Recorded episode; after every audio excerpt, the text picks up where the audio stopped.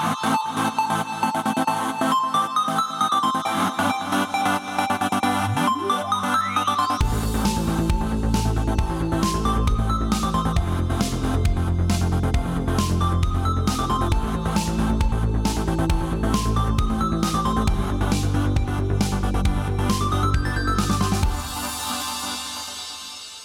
Hallå och välkomna till ett nytt avsnitt med Nördliv. Det här är avsnitt 318 och det är den 10 i 9 2021. Och jag heter Danny och med mig har jag Mattias och Jesper. Hur är det med er? Jo, tacka som frågar. Det är helt okej. Det, är, det är synd att beklagas, eller vadå? Ja, synd att inte klaga som man brukar säga också. Ja, det var går ju lite det också. eh, kraschlig i morse när jag vaknade, men ehm, nu är det bättre. Det, det, det är bara för att du är nervös och väntar in Tales of Arise. Du bara, Mm. "Åh, hoppas det kommer, hoppas det kommer, hoppas det kommer. Jo, men eh, ja. ja, jag hoppas, jag, Eh. ho- hoppas jag inte spoilar något i recensionen. Nej, jag skummade bara igenom den egentligen. Ja. När jag läste den. Jag eh, hann ju inte korra den. Ja, nej, precis. Hur är det själv då, Danny? Du Ja, jag är- allsmäktige norsk. Allsmäktig norsk. Ja, precis. Det är jag som är värd för dagens avsnitt, så det är väl bara bra. Ifall, ifall det är någonting ni vill prata om så kommer jag avbryta er och säga nej. Jag tänker bestämma vad vi ska prata om härnäst. Så. Betyder det att du, du mår bara bra för att du befinner dig i någon slags eh, maktposition? Vi kan ju låtsas alltså att, att jag gör det i alla fall. Jo, men du är ju ändå en liksom chefredaktör, eh, förutom Fredrik. Så. Ja, jag, är, jag är ju inte tekniskt sett där ju i, i skrift så att säga, men jag, jag säger väl lite senioritet liksom om vad de är från början. Så. Ja mobbat Fredrik under många år. Så. Eh, i, vi kan ju ta lite grann och prata om dagens avsnitt. Vi kommer prata om lite grann som Tales of Arise som vi redan har nämnt. Eh, vi kommer ta skumma lite grann på The Dark Picture Anthology House of Ashes som vi fick testa på en liten preview här, på här i sista tiden. Eh, jag tror det blir lite, lite färggrant med Life is Strange True Colors också sådär. Även Fast Jesper är en väldigt blek person så var det kanske bra för honom att få lite färg i livet genom spelet där ju. Billigt talat. Det är mycket färg där jag har förstått i alla fall på de här aurorna som är i spelet. Mhm. Jag har läst din recension i alla fall så. Hmm. Eh, vi kommer även prata lite grann om film. Vi kommer prata om Free Guy, Shang-Chi och sen Brand New Cherry Flavor tv-serie. Som, Ja. Som jag fortfarande inte riktigt förstod fast du redan har förklarat lite smått vad det var om. Men innan vi börjar så ska vi hoppa tillbaka till segmentet som vi tog förra veckan som var köp, hyr eller försvinn för evigt. Mm. Eh, kort och kort är, jag kom, ni kommer få några genrer på spel. Och där kommer det vara tre stycken spel. Och då måste ni välja en som ni kommer köpa, en som ni kommer bara hyra och en som ni vill bara ska försvinna för evigt. Okej. Jag, tänkte, jag, jag tänkte jag skulle ta äventyrsspel, classic shooter eller modern co-op shooter. Vilken genre? Ni får väl, välja här nu tillsammans.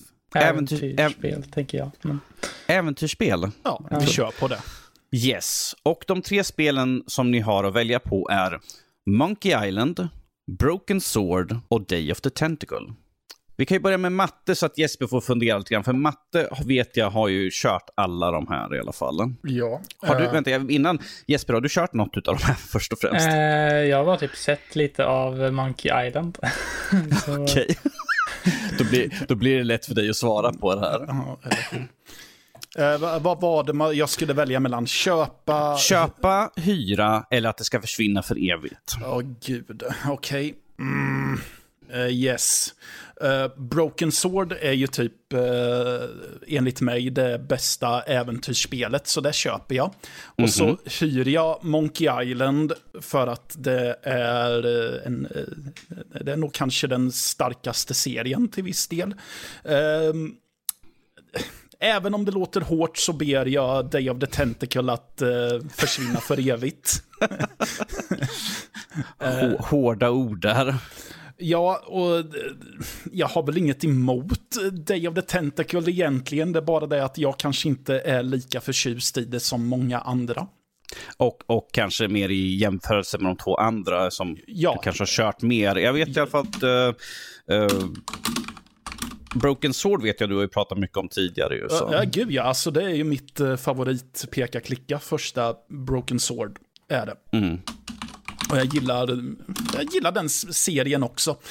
Eh, ja, ja. Och eh, Monkey Island eh, hör också till en av mina absoluta favoritspelserier, så det, det, valet var ganska lätt där Mo-. Monkey Island är ju lite grann stapeln när man pratar om peka och klicka egentligen. Så lite grann. Ja, gud, En ja, av alltså- urfadrarna för hela den genren. Ju, Ja, så. alltså precis. Då, eh, Ron Gilbert och company gjorde ju något helt nytt med första Monkey Island där. Alltså de banade, de banade en ny väg för grafiska äventyr. Mm. Gjorde de. Även om eh, Maniac Mansion gjorde det väl typ lite innan. Just där att förflytta det ifrån att vara textbaserat och så. Yes. Men eh, Secret of Monkey Island och de nästkommande utvecklade ju hela tiden genren framåt. Både grafiskt och eh, gameplaymässigt. Konstigt Mm. nog, även om gameplaymässigt är ju den här genren super basic. Yes. Mm. Jes- Jesper, nu har vi fyllt ut lite tid för dig att kunna kolla Ja. upp lite grann här nu. Vad, Eh. vad blir ditt svar på den här, den här då, omgången då? Eh, Jag tror det blir så här, jag tror att Monkey Island blir nog den som jag köper eftersom att det känns som en sån här kultklassiker som man måste köra nästan. Mm. För det är en sån här stapel, list, som du säger, i eh, den här peka-klicka-genren. Sen så tar jag nog Broken Sword på eh, andra plats eftersom att du talade så gott om det. Och sen hy, hyra alltså? Ja, hyra då. Uh, och sen då Day of the Tentacle tar jag på att uh, kasta bort, eller vad man ska säga. Och uh, när jag kollade upp det så såg det inte så jättesnyggt ut jämfört med de andra heller. Så Så ingen kärlek för Day of the Tentacle Nej. helt enkelt. Så. Stackars Tim Schafer. är det Tim Schafer? Ja, det är han som gör Psychonauts. Alltså. Ja, Ja. precis. Det, det är ju synd om honom. Att, jag menar, han gör så usla spel så att ingen vill veta av dem. vill bara försvinna för evigt. Så här. Ja, Ja, det- precis, det- så släppte ju Psychonauts. Det är inte alls så att eh, ett av hans spel som kom efter Day of the Tentacle, Grim Fandango, inte nämns som en genrefavorit bland många. Så. Yes. Ja. Ja, Green Fandango har jag faktiskt kört. Det hade jag kunnat med. Ett av de få som har fått sin nyutgåva med förbättrat eh, grafik och sånt. Ja. Mm. Var det väl. Den jag har kört. Mm. Yes. Ska Danny också välja eller får man en free Ja. pass när man är värd? Eller? Tycker att han får välja den här gången också. Förra gången gjorde vi inte det, men jag tycker att han får välja också. Oh, oh dear. Um, Aha.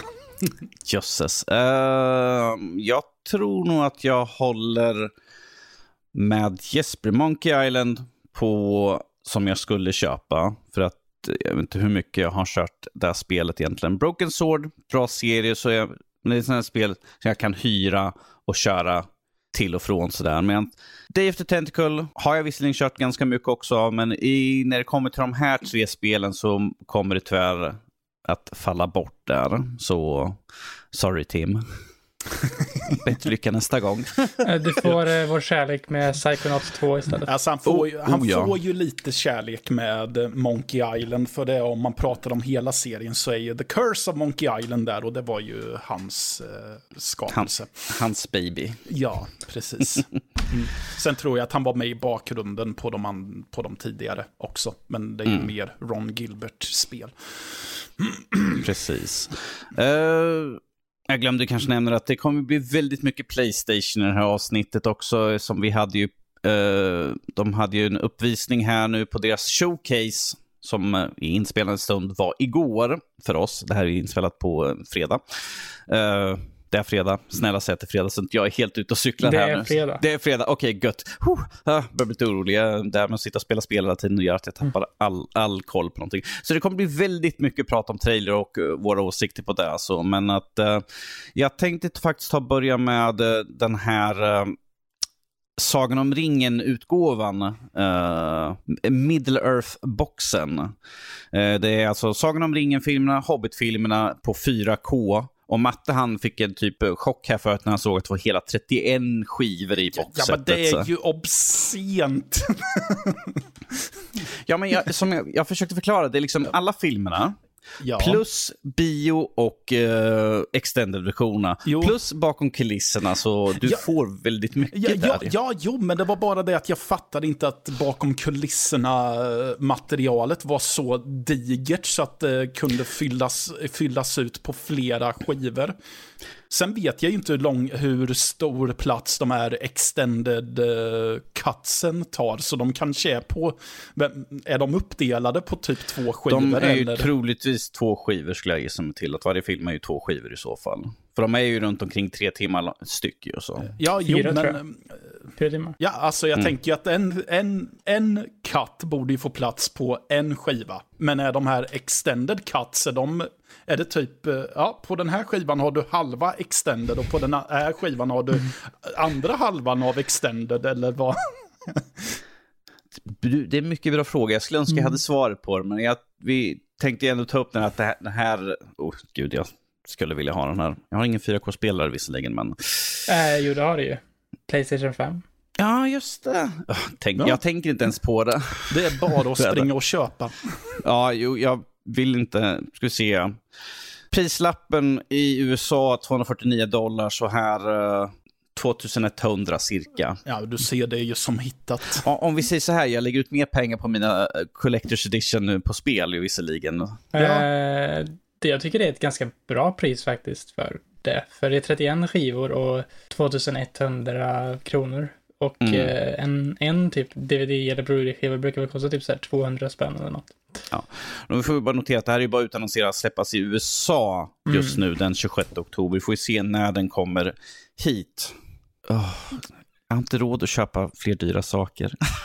det Ja, så det, det, är ju samtidigt ingen som tvingar dig att köpa de här Nej. dyra sakerna. Jag heller. har all, alla andra utgåvor på filmerna. Så jag, har, jag har vanliga versioner, jag har liksom Collector's Edition, jag har Extended Edition, jag har bioutgåvor, jag har alla de här utgåvorna. jag alltså- har Blu-ray-utgåvorna på dem också. Alltså jag, jag är ju känd som den som köper filmen. Jag är ju en sån här, jag köper ju inte filmer jag redan har, så även om det redan, även om det släpps en jättelyxig utgåva av en film jag redan har, så är jag lite så här, ja fast jag har den redan.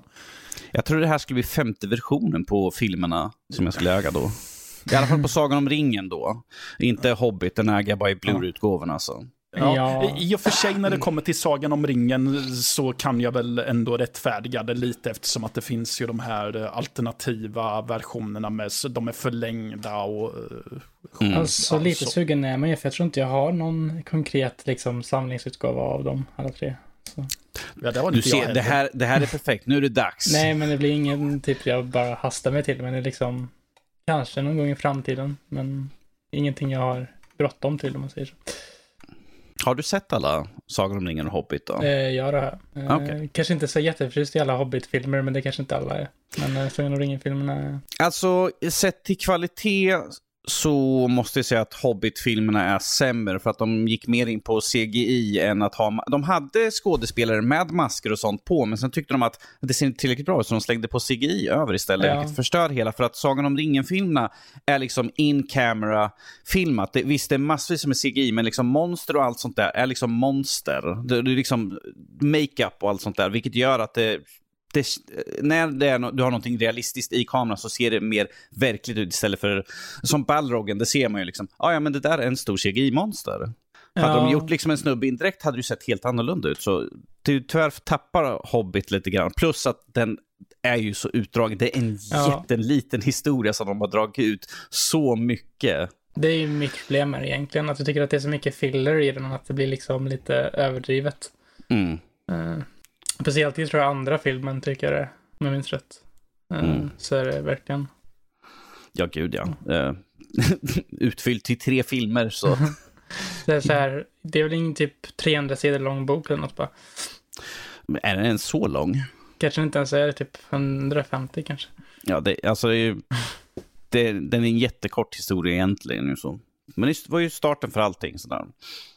Eh, det kom ut en trailer här ganska nyligen ju. För The Matrix Resurrections. Mm. Det Ni, ni har, vi har alla sett den här nu. Ja, Vad tycker ni om den? varför ska Keanu Reeves se ut som att han spelar samma karaktär nu för För tiden? han, vill inte, han tycker om hur han ser ut. Han vill inte raka av sig skägget, han vill inte klippa håret. Är det så? På riktigt. Jag, jag, jag skulle mycket väl tro att det är så. Jag Ja, tror att han är så bekväm i liksom hur han ser ut. Alltså visst, jag kan väl, eh, okej, visst det har tagit jättelång tid innan vi har, sen vi såg Neo sist, så visst det ska väl synas att han har förändrat sig till utseende och så, men eh, han har sett likadan ut i typ allt. Han, eh, han ser för fasen ut som han gör i Cyberpunk i stort sett. Eh, ja, det, det jag tänkte säga typ såhär, ah sweet, de gör en cyberpunk-film. Det var Ja. typ det jag fick när jag såg eh, typ Johnny Silverhand där. Nej, men, Ja. Det kändes verkligen som det i hur han porträtterades tyckte jag, i Ja. trailern.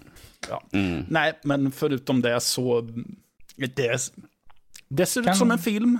Gör det. Jag är inget Matrix-fan, men tycker man att det är kul och har skrikit efter en ny film så varsågoda. Nu får ni något att gotta er i. Lagom till jul såg det ut som. Den 22 december eller vad det var för någonting. Jag kommer inte Ja. ihåg det, jag tror det var något sånt. Ja, Eh, jag måste säga att de har ju klämt in väldigt mycket för att liksom referera till de första filmerna. Han stoppar kulor med händerna. Eh, vi har slagsmålet med det, vad som verkar en väldigt ung eh, Morpheus. Eh, du har Nej. en låt som sjunger om olika typer av piller. Precis, vi har de blå pillerna där Mm. också. Så att det finns ju väldigt mycket sådana här, member, vad heter de, member, memberberries? Ja. Är det där de kallar det för någon? eh, Mm. För att liksom påminna, liksom, eh, jag tog det som exempel, jag pratade med Fredrik eh, igår tror jag det var. Det är som i Solo med hans, eh, de här eh, tärningarna som hänger i skeppet. Mhm. Att det är liksom, de visar upp det i den här filmen, kommer du ihåg det här? Och, Mm. Alltså den saken, liksom, ikoniska saker som man liksom bara tar med för att du kommer ihåg första filmen, du tyckte om dem, så nu kommer du tycka om de här för att vi har med de här nya sakerna. Det var också en sak som slog mig när jag tittade på den här trailern och det är att jag saknar den tiden då trailers bara var typ strax över en minut långa. Du, du menar en teaser bara, inte en Nej, trailer? Nej! Det, det För var en, teas, en teaser nu för tiden är ju 30 till en minut ju. Ja, så. men eh, det, det, vi kommer ju in på det. Nu för tiden så är det ett jävla problem med PR och när man marknadsför skit. En trailer ska inte vara tre minuter. Eh, och sen ska så släppa så här typ fyra, fem trailers eh, innan de eh, typ så här i sista veckorna, typ så här för att de ska få folk att hypa, men då spoilar de ju typ hela filmen istället. det, det här är ju lite samma problem som vi hade med Ratchet Clank Mm. innan den skulle släppas. För det var ju liksom en, en ny trailer varje vecka kändes det som. Och liksom varje mässa som var liksom, här lite mer Ratchet Clank. Vi bara, vi har redan sett allt. Vi hade den här extended cut på den första trailern eh, ni visade, så vi behöver inte mer. Vi har redan sett typ jag tror det är första banan allting som visas ifrån. Så det behövs inget mer. Vi klarar oss. Nej, men problemet är ju att uppenbarligen vill ju, eh, vill ju fans och nördar se det- här. Alltså man, mm, man vill ju veta allt och se allt innan det är släppt på riktigt. Ja. Jag, jag tycker om att bli överraskad av filmer sådär. Att liksom bara, oh, det där, eh, jag tar alltid exempel, uh, här är det största exemplet på en spoiler och det är episod 1 med Darth Maul. De, de visar liksom dörren öppnas upp, han tittar upp, han tänder ljussabeln. Oh, coolt, han har ljussabel. Andra änden tänds, han har dubbel ljussabel. Totalt förstör för hela filmen där. Det hade varit så coolt att sätta i biografen istället för i en trailer. Ja, men med tanke på att jag gissar på att The Matrix Resurrection ska vara sex timmar lång så har vi ju förmodligen inte sett ett skit Vi än så har, vi, har, länge. vi har skrapat på ytan bara Ja. här ju. Jag tror det, ju- det, det var bara Lana Wa- Warskowski som gjorde den här. Så systern är inte med Nope. överhuvudtaget. Så. Men eh, ja, alltså jag är nyfiken på hur, hur eh, filmen kommer vara i allmänt. Så Visst, jag ser liksom att Neo eh, går till en psykolog för att prata, han har saker han minns. Sen får vi se liksom de går in i mycket Alice i Underlandet-referenser med den vita kaninen, precis som i första filmen. All, det mesta är ju, allt är ju plockat från första filmen. Det känns som de vill inte ha saker från tvåan och trean egentligen. Ja, alltså är inte det ett litet problem med så här sentida uppföljare? Att man gör en film som mer eller mindre är eh, första filmen fast med gamla karaktärer. Mm, mm. Jo, alltså typ de satsar lite så här inspirationen, man ska säga, till Ja. vad de ska göra härnäst. Så de bara tar gamla koncept och gör Ja. om dem. Nej, men som jag och många med mig tycker ju att ja, men Force Awa- The Force Awakens är ju bra. Men jag kan ju inte blunda för att det är ju väldigt mycket som är eh, nästan rakt av från A New Hope. Alltså Mm. första Stjärnornas krig. Det är kanske därför den är typ den bästa i den trilogin. Det är ju det för att den plockar ju Ja. väldigt mycket inspiration. Och det, jag tror jag har Mm. hört överallt på nätet, liksom bland andra folk, liksom att det, det känns precis som gamla Star Wars. Ja, men det är ju för att de har plockat liksom från Ja, ja, originalen. Alltså de har ju storybeats som är tagna rätt av i stort Mm. sett. Så, ja. Och liksom inför en ny trilogi så visst, det tycker jag är bra för då fansen känns liksom att det känns bekant, jag känner mig hemma här igen. Men att sen måste man utveckla, vilket, ja. För, Men- inte för, vi, ska inte, vi ska inte gå vidare på Star Wars visserligen sådär nej, nu, men nej, att... nej, men eh, precis. Vi, trilogin var, var Star... Eller ska det här vara en ny trilogi också? Nej, nej, nej, nej. Det, är, det här är liksom bara en fristående film så vitt jag vet om. Ja, fast... Jag, men, jag, menar, jag, men, jag menar att ifall det blir fortsättning, ifall den här filmen är liksom att vi tar väldigt mycket från första filmen, Mm. gör de andra så att de inte är liksom att direkt cop-out, liksom vi kör bara vidare på andra filmen, tredje filmen. Ja. Ja, alltså, jag kommer nog gå och se den här filmen, för jag är väldigt nyfiken på, som sagt, hur det går. Va, vilka de här karaktärerna, är det liksom reinkarnationer av Morpheus, eh, The Oracle och eh, vad hette han, han som skapade allting? Han kallades nog The Architect. Jaha, jag hade gissat på Sven. Ja, precis. Så jag är nyfiken liksom på hur de ska förklara allting eh, och varför han är tillbaka. För att han skulle ju ha dött i slutet på trean egentligen. Han offrade ju sig själv, men han verkar ju vara tillbaka. För det är ju samma Neo igen. Istället för Den en till ny reinkarnation av den utvalda så att säga. Så det ska bli intressant. Om, om vi ser de, vad är det, de fem andra trailers som kommer så kommer vi säkert få allt förklarat innan vi har sett filmen ändå. Så. Eh, ja. Det, Ja. Den heter ju Resurrection, så den har någonting, säkert någonting med det att göra. Att den har liksom, kommer Mm. tillbaka till liv igen. Eller något. Men. Precis. Ja, ja, det kommer ju ja, det kommer vara mycket, mycket spännande där. Men vi hade en till trailer som Matte säkert kommer älska, för jag vet att han älskar Lego-spelen. Så här. Det är Lego Star Wars Terrifying Tales. Mm. Som verkar vara en liten, lite så här inför Halloween ju. Ja, Men det, lite, li- det känns lite what if-eskt också. Med lite Mm. alternativa historier. ja. Eh, ja, alltså de ser ut att ha roligt med eh, just eh, konceptet, om man säger så. Och att man, eh, det blir lite så här, ja, eh, vi, eh, vi vänder upp och ner på det som är canon. Och Mm. det är väl kul, antar jag. så. Det, det tog faktiskt eh, ändå typ 20 sekunder in i trailern för mig att fatta att jaha, det här är inte ett spel. Ah, Okej. Ja.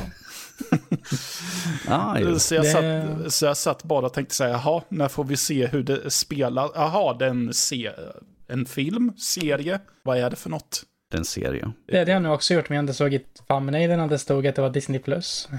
Ja, det var, det, det var först, det var när Disney Plus-loggan dök upp i trailern som jag kopplade att, aha, okej, nu, nu, nu förstår jag. Ehm, Ja. Nej, men... Ja, Eller vänta, det är, är det en film tydligen på... Har de ens 10? 44 minuter. Jag tror det skulle vara sådana här miniavsnitt. 40, ja, ja, men alltså okej, ja, men det kan säkert vara kul och när den, om den bara är 44 minuter så tror jag nog dessutom att det kan vara roligt hela vägen fram. För om det, tonen är som den är i trailern hela tiden tror jag att man hade blivit ganska less på det om det hade stretchat ut över en timme. Mm. Jag ser att allas favorit Christian Slater är med och gör röst. Vad gör han ens nu för tiden? Eller ja, uppenbarligen gör han en röst till Lego Star Wars, så det var väl... Jag menar, jag menar, sist jag såg honom i någonting så var det i Lars von Trier-filmen Nymphomaniac. Wow. Mm. Ja. Och det, eh, när jag såg honom då så var det lite så här, va- vart har han hållit hus under alla dessa år? Han har hållit sig gömd. Förmodligen. Förmodligen sådär. Ja. Nej, men den ser väl... eh, Den, den ser kul ut. Den ser kul ut, precis. Ja, jag, jag, jag tror att det kan vara kul att titta på eh, i brist på andra Star Wars och se just nu i alla fall. Eh, vi har ju Visions som ska komma snart. Eh, Nej, just det. Vi har ju den som ska komma. Eh, Jag vet inte när, bara i september. jag ska kolla. 22 september släpps det. Ja. Jag har ingen aning om vad som kommer och inte kommer när det kommer till Star Wars. Alltså jag har, jag, jag vet inte, jag har huvudet nerkört i fri, eh, valfritt område. Valfritt material. Eh? Valfritt material. Gröt. jag har huvudet nedkört i havregrynsgröt så jag missar Precis. allting. Ja, gud ja. Men om vi ska istället ta nu och hoppa in på det fetaste för nyheterna under den här veckan och helt enkelt åka på Sonys show som var här nu. Mm. Eh, Playstation Showcase var i torsdags, det vill säga igår för oss. Eh, väldigt, väldigt mycket som utannonserades. Eh, vi, hade ju, vi kan ju ta först och främst här Star Wars Knights of the Old Republic Remake. Det var inte mycket vi fick se. Vi fick se eh, mörker, vi hade en voiceover, vi såg en mörk karaktär komma fram, tände ljussabeln, höll upp den. It's Revan. Med hans ikoniska mask där. Ja, så det var ju mer eller mindre bara en sån här, titta det här är på gång. Det är, Ja. precis, det är ju bara ett utannonserande att de har men det här är ju ingenting som förvånar. För att eh, det var ju eh, privatpersoner som höll på att göra, gjorde sitt egna projekt med att göra en remake på det, vilket uh, Lucasfilm stängde ner. Det här har varit på tal väldigt länge och nu har vi egentligen fått i alla fall bekräftat att det är på väg. Eh, Och det är väl allt de vill egentligen göra för att vi, folk har ju spekulerat så hårt nu på sistone att liksom det är under arbetet, läckor har kommit höger och vänster. Så, men nu fick vi i alla fall äntligen bekräftat. Eh, har ni båda kört originalet, Knights of the Old Republic? Eh, ja, eh, men inte skitmycket för jag fastnade inte, jag kom inte riktigt in i det. Gjorde jag inte. Mm. Eh, ärligt talat. Så jag har inte riktigt brytt mig. Vilket är för många är att svära i kyrkan. För jag vet att många håller det som typ ett av de bästa, inte bara RPGs som har gjort, utan det är väl till och med ett av de bästa spelen som många tycker har gjorts. Framförallt ett av de bästa Star Wars-spelen vet jag att många tycker att det är. Yes. Eh, Eh, jag har ju inte kört det. Eh, Jag tror, är jag, tror du, jag tror du är lite för liten för att, att kört det så här. Eh, Det finns ju på... Du kan ju ta och köpa och ladda ner på Xbox, vet jag att det finns i alla Mm. fall. Eh, Ettan och tvåan. Um, jag har kört skiten ur originalen. Ettan och tvåan. Både som ond och god. Har väldigt svårt för att vara ond i spelen sådär egentligen. Men det är, jag tror att det som väldigt många, ifall de skulle försöka just nu, är nog själva stridssystemet eh, som kommer eh, få folk att tappa liksom, intresset. Dialogerna och sånt där är ju liksom massvis med dialogval, men det har vi sett i, i senare Bioware-spel. Mass Effect till exempel är ju ett exempel därifrån som har tagit väldigt mycket inspiration ifrån i alla fall. Ju. Så, men jag tror att det är själva stridssystemet som kan få folk att liksom bara, ah, jag är inte riktigt sån stor fan utav det, men ifall man ger en chans, det är en jättebra och djup eh, historia eh, som jag tycker är helt klart värd att man ska kolla in. Och eh, jag hoppas att de håller så mycket som möjligt original och inte gör om saker. för i så fall kan de skriva reimagining istället för remake. För ifall det säger remake, då ska det vara liksom originalet tillbaka, bara förbättrat och snyggare. Jag eh, hörde ju från de som, någon intervju eller något om det, att de, det är från the ground up remake, eh, liksom, men att de ska hålla alla liksom story beats och eh, sånt på exakt samma som det var i originalet. Sweet. Så det, är- det är nice att man kan få uppleva den storyn. Mm. Eh, om jag får ett önskemål då med combaten så skulle det nog vara att de tar eh, inspiration från Jedi Fallen Orders eh, combat, för det tyckte den var väldigt bra för ett Star Wars-spel. Mm. Um, den är lite så här dark soulsig fast ändå inte liksom ehm, eh, med lite så här ljussabelmanövrar man kan göra och lite coola saker. Yes. Ja, alltså lite, lite såna här eh, uppdateringar för uh, quality of life för spelet Mm. kanske vo- vore någonting sådär, vilket troligtvis kommer göras för att det ska passa en dagens publik. Uh, för som sagt, som jag sa, ifall du skulle hoppa in och köra original så skulle folk bara liksom, vad är det här för någonting? Det går ju inte att köra det här. Med, med lite uppdateringar, lite piffande och sånt där på uh, mekaniken och sånt där så tror jag att det kommer bli suveränt. Jag ser väldigt mycket fram emot det i alla fall. Uh, ryktena har gått väldigt länge och nu är det skönt att, en, att äntligen få liksom bekräftat att nu kommer det. Och exklusivt till Playstation 5 och PC. Mm -hmm. Vilket var inte intressant sådär, eftersom original släpptes på Xbox. Mm -hmm. Så det känns det, jag bara, hmm, what? Men ja. för, för mig gör det absolut inget. Jag har PC, jag har Playstation 5, så jag, vilket som kommer jag kunna spela spelet. Så. Jo, alltså um, samma. Men jag tycker det är också lite lustigt att de släpper en eh, remake på ett Xbox-spel på PS5 eh, som exklusivt. Ja. Det, var det... Ju, det var ju bara att de hade gjort den exklusiva dealen då just nu och det är ju så länge sedan så att den gäller ju inte idag, speciellt inte på en remake. Så. Nej. Men det hade ju varit kul ifall det hade kunnat komma till alla plattformar istället, mm. så att alla kunde få ta del av det. Det här kan ju mycket väl bara vara ett uh, tidsexklusivt för Playstation 5. Det tror jag nog att det är också faktiskt. Men mm. jag vet inte. Vi, det, det, är ofta så att Sony betalar pengar för att göra saker tidsexklusiva. Uh, man ser att saker kommer till andra plattformar nu som inte var uh, förut. Så, så. Det, är, det är ju som uh, Tomb Raider när mm. det släpptes. Det var ju exklusivt på Xbox i, var det ett år? Ja, kanske. Jag vet inte. Uh, The Medium var ju det exklusivt i början. Precis. Det släpptes ju på PS5. Nu för tiden brukar det vara typ ett halvår eller något sånt där. För att det inte var för Ett år på ett sånt här stort spel tror jag skulle vara... Ja, jag, jag tror inte publiken skulle gå med på det. Um, men ja, Alltså, nej, det här är kul. Eh, sen hade vi Project Eve. Mm -hmm. Som såg väldigt intressant ut och folk satt och spekulerade höger och vänster vad det skulle vara för något. Du trodde att det var Bayonetta, vad, är, vad blir det? Bayonet, vad är en, Bayonetta 3. tre. Men eh, det vi spekulerade om var väl att det såg ut som att det var en ren blandning av Bayonetta, Nier och Devil May Cry i en salig blandning med Eh, med, lite... med Cthulhu-monster också inblandat ja, som vi sa. Ja. Eh, det är väldigt intressant det spelet tycker jag. För att jag tycker det ser väldigt lovande och snyggt ut och eh, jag tror det kan bli riktigt uh, väldigt, en sleeper hit kanske. Mm. Och att det, intressant, det intressanta är att det är utvecklat av ett korea, sydkoreanskt team. Mm. vilket inte är så jättevanligt att man ser tycker jag.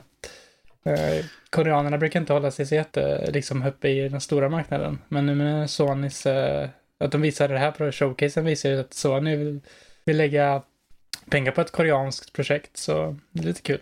Mm. Ja, alltså det kan ju bli intressant. Eh, jag tror det nämndes också lite souls ja. på bossfighterna där. För det var ju väldigt maffiga bossar som det syntes där ju. Jo. Matte bara, jo, mm. souls. Det ser, Men det är ett det ser, tema. Det ser köttigt ut också. Alltså ja, rent på den där sista... gore-mässigt. ja, på den så. sista bossen med det här eh, cirkulära huvudet. Liksom, så bara splattade ja. blod. Alla bara ooh! Ja, då, då, alltså, ja, det ser snyggt ut och jag gillar ju... Ja, jag, jag, jag gillar hur det såg ut, men eh, samtidigt tänker jag att eh, rent spelmässigt så lär det nog vara... Ja, det är ett hack and slash. Mm. Eh, jag såg faktiskt en eh, liten jag såg en tweet som någon hade gjort som någon hade retweetat från 2020 tror jag det var i slutet där. Att de hade visat den på någon show då i typ Korea. Okay. Och då visade de en liten gameplay-segment och det såg väldigt likt ut uh, typ Sekiro i uh, mycket, tycker jag. Okay. Uh, I hur man rör sig runt. Lite mer fast-paced action än kanske Dark Souls, men ändå lite den här känslan av liksom vikt som de har i varje slag och allt sånt där. Men jag jag håller ursäkt på den i alla fall. Den kommer vara på min watchlist så att säga. Ja, vi fick ju en... Just nu fick vi ju bara ett hopkok av uh, olika scener med lite fast-paced fighting. Men att det skulle vara intressant att in en typ en fem minuters gameplay. Bara liksom hur man rör sig runt, tar mm. sig mellan uppdrag och vad den allmänna historien i spelet är ju så. Ja, det tycker jag var lite intressant också. Jag tycker att det, det har potentialen att ha en ganska intressant berättelse där också. Om de hade någon liten kultistisk grej de pratade om. Jag tror det var någon så här All Hail the Mother eller någonting. Precis. Ja. Mother Eve tror jag de sa. Ja, jag tror något sånt, ja. Uh, efter det så hade vi också Tiny Tinas Wonderlands. Vilket är Mhm. ju Borderlands, fast deras fantasy eh, fristående spel. ju. Eh, Ja. Matte, Matte du, du, du låter som du verkligen ser fram emot det här. Det, det, måste- det, verkar, det verkar skrikigt in your face och skitjobbigt och jätteirriterande. Precis, Yes, som jag tycker, yeah. precis som jag tycker att Borderlands är. Precis som Tiny Tina, skrikig in your face. låter inte än vara. Jag, alltså, jag tycker att Borderlands är det också. Alltså, jag är inget fan av Borderlands och jag bryr mig föga om eh, lille Tinas eh, eh, underland.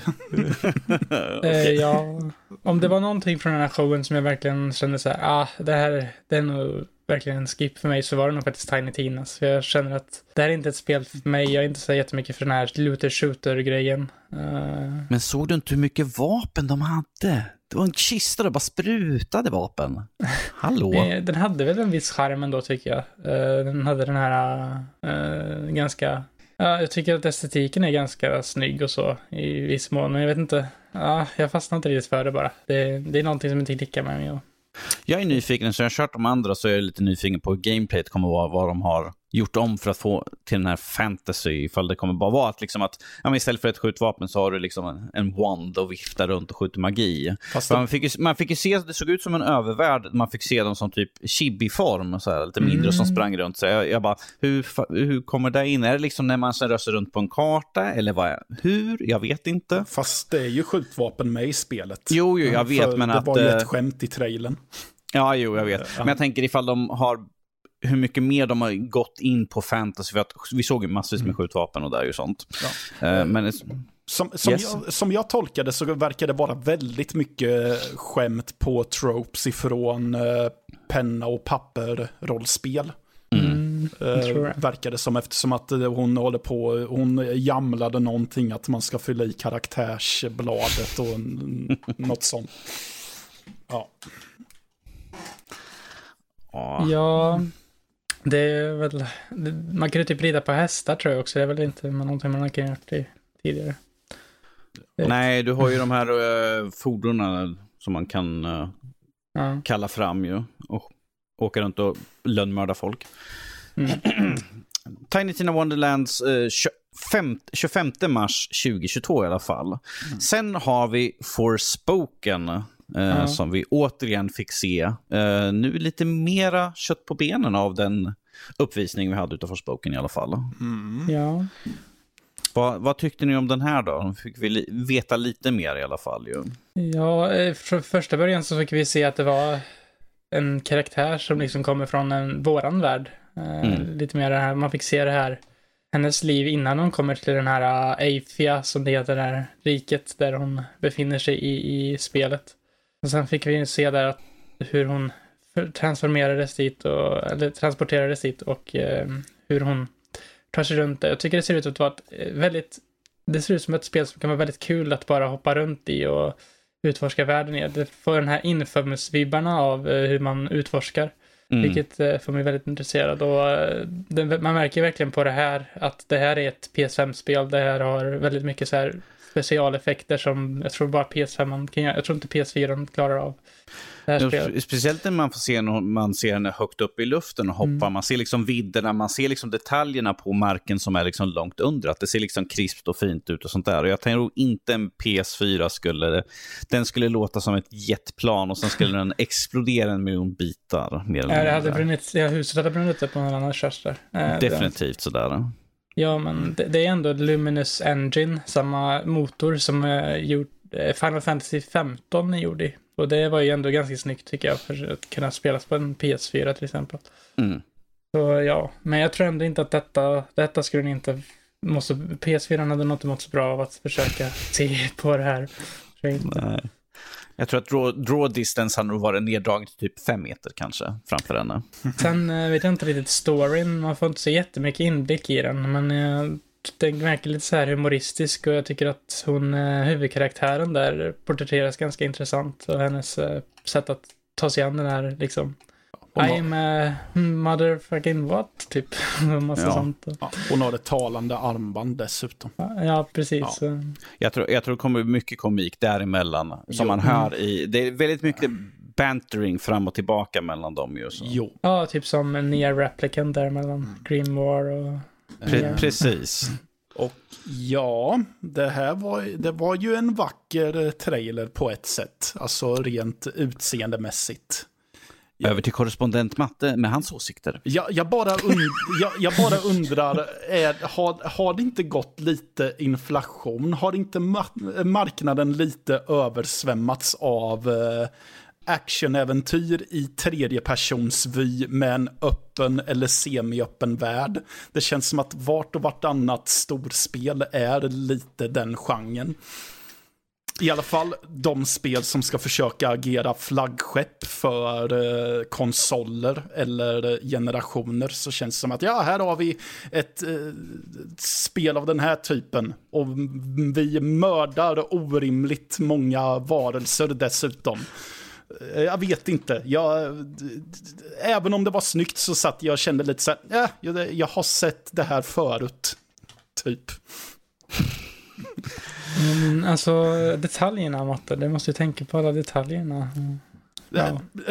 Alltså jag tyckte att jag gjorde det, men jag ser ju bara vilken speltyp det är och tänker att i slutändan kommer det ju vara rent spelmässigt ett spel som jag kommer sitta och tänka, ah, det här är som en uppsjö andra spel jag har spelat, så Det tycker nog inte jag faktiskt. Jag tycker att den här, fri, eller den här känslan som du verkar ha med olika förmågor och sånt verkar ändå vara ganska unikt för det här spelet på något sätt. alltså förmågorna fick jag inget grepp om eftersom att jag fick ju inte se någon så här, så, så här konkret spelar du. Eh, det får vi nog dock se den eh, första oktober tror jag, för då har Square Enix en Tokyo Game Show-presentation med spelet. Så Okej. då ska de visa gameplay på det. Ja, Eh, då så kan, ifall då folk kan, är jag kommen- intresserade. då kan jag kommentera vidare om förmågor och så och huruvida jag hade rätt eller fel efter det. För just nu så kan jag ju inte säga så mycket egentligen. Förutom att mitt eh, första intryck är det jag nyss hasplade ur mig. Danny då, vad tyckte du? Alltså jag tyckte det såg intressant ut när vi såg det första gången. Eh, och nu fick vi lite mer, eh, man såg att hon kunde skjuta via sitt armband. Eh, så att det kommer ju vara ens eh, partner, ens vapen, ens ledsaga helt enkelt. Eh, och vi fick ju se den här eh, drottningen som där i slutet och man fick ju höra historien att, liksom, att hon är liksom den som ska egentligen ska komma dit och rädda dem. Att det har blivit att det har blivit sagt för länge sedan, en profetia att hon ska komma dit och rädda dem och att hon är deras sista hopp eller något sånt där. Åt det här hållet sådär. Men att det ser intressant ut och som sagt, man verkar ju, i första tiden fick man se hon tog sig väldigt snabbt fram över landskap. Här såg vi nu högt upp i himlen hon liksom uppe och hoppar sådär. Så att det kan bli intressant att bara utforska runt i världen. Nu är det ju beroende på hur öppen värld, ifall det är helt fri öppen värld eller ifall det är liksom områden man ska ta sig igenom. Um, återstår ju att se som sagt.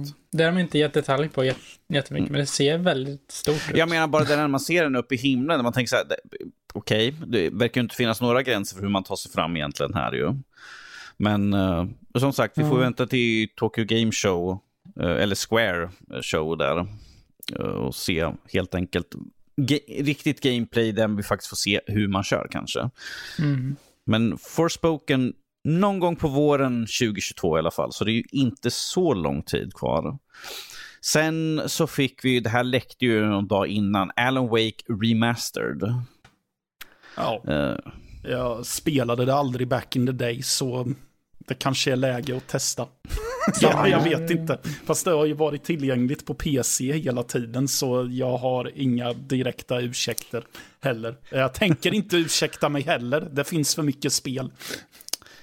Fy, Ja, jag känner väl detsamma. Fy på er, fy på er. Jag har min samlarut, feta samlarutgåva stående där borta liksom. Eh, Jag, jag, så jag vet att det är väldigt välrenommerat så och eh, ja. Eh, jag hoppas ju att det här också fått lite mer eh, genomarbetat på gameplay, eller på hur man kör spelet. Uh, jag tyckte att styrningen var lite si och så, vapenhantering var lite si och så också sådär. Uh, det är ju en uh, remastered så, version så att den kommer ju få lite uh, quality of life uppgraderingar där också ju. Så att... Vad man hoppas på. Det skulle ju vara en superskräll och en uh, så här jätteplot twist att det här var mer eller mindre bara en portning. Ja, vi har bara, vi har bara skalat upp skiten och high-resat på texturerna eller vadå? Jajamän. Och det är som Resident Evil Zero igen. Så. Ja, du ser. Ja. Men uh, ja, jag har ett intresse av att köra någon gång ändå för att jag tyckte att Control var ett väldigt bra spel. Så mm. det är samma studio. Mm. Och jag har för mig att uh, de skulle baka in de två delserna också i det här paketet tyckte jag såg någonstans. Det låter ja. rimligt i alla fall, för det brukar man göra i sådana. The, The Writer och... Personal Nightmare, finns det något som heter så? Uh, jag kommer ihåg The Writer som en DLC i alla fall. Så. Uh, Okej, okay. ja, ja. jag ska inte säga något heller. Jag... Ja, min, minnet är som uh, det här har vi ju tyvärr inget datum på heller. Uh, den här ska bli intressant att höra vad ni tyckte om i alla fall. De visar upp Ghostwire Tokyo. Mm. Det verkar skrikigt, irriterande och in your face. Jag, det verkar... Jag, jag, jag, in, jag, jag vet inte. Det, jag, jag, på ett sätt är jag nyfiken, men på ett sätt tänker jag jag kommer bara bli förbannad på det här. Mm. Jag känner, vad är det här ens för typ av spel jag ser på nu? Alltså det var, det var ju en lång, lång, lång sekvens vi fick se det med massvis ifrån olika monster, mm. eller spöken, japanska spöken och sånt där.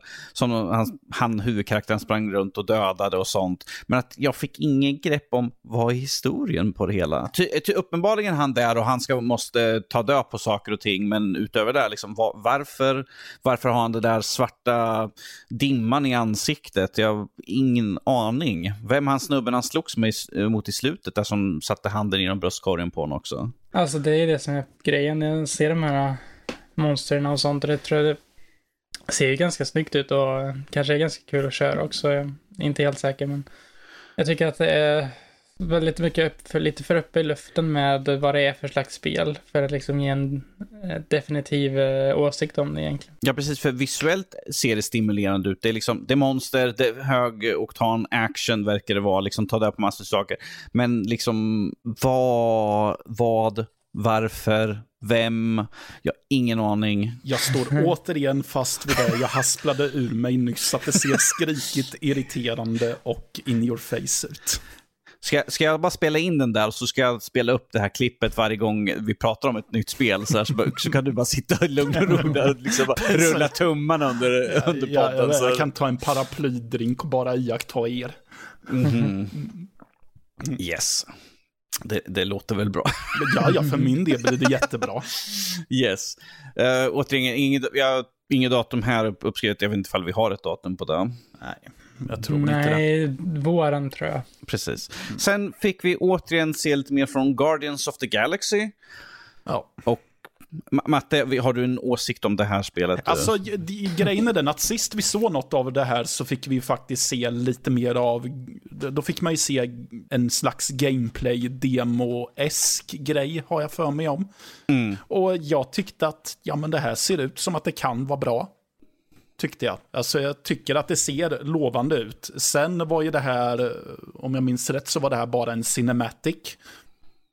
Som mer verkade ta upp vad den stora övergripande storyn är. Och så är det lite, uh, titta vilken rolig banter vi har ibland. Och titta, Groot släcker ett morrhår och grejer. Så ja.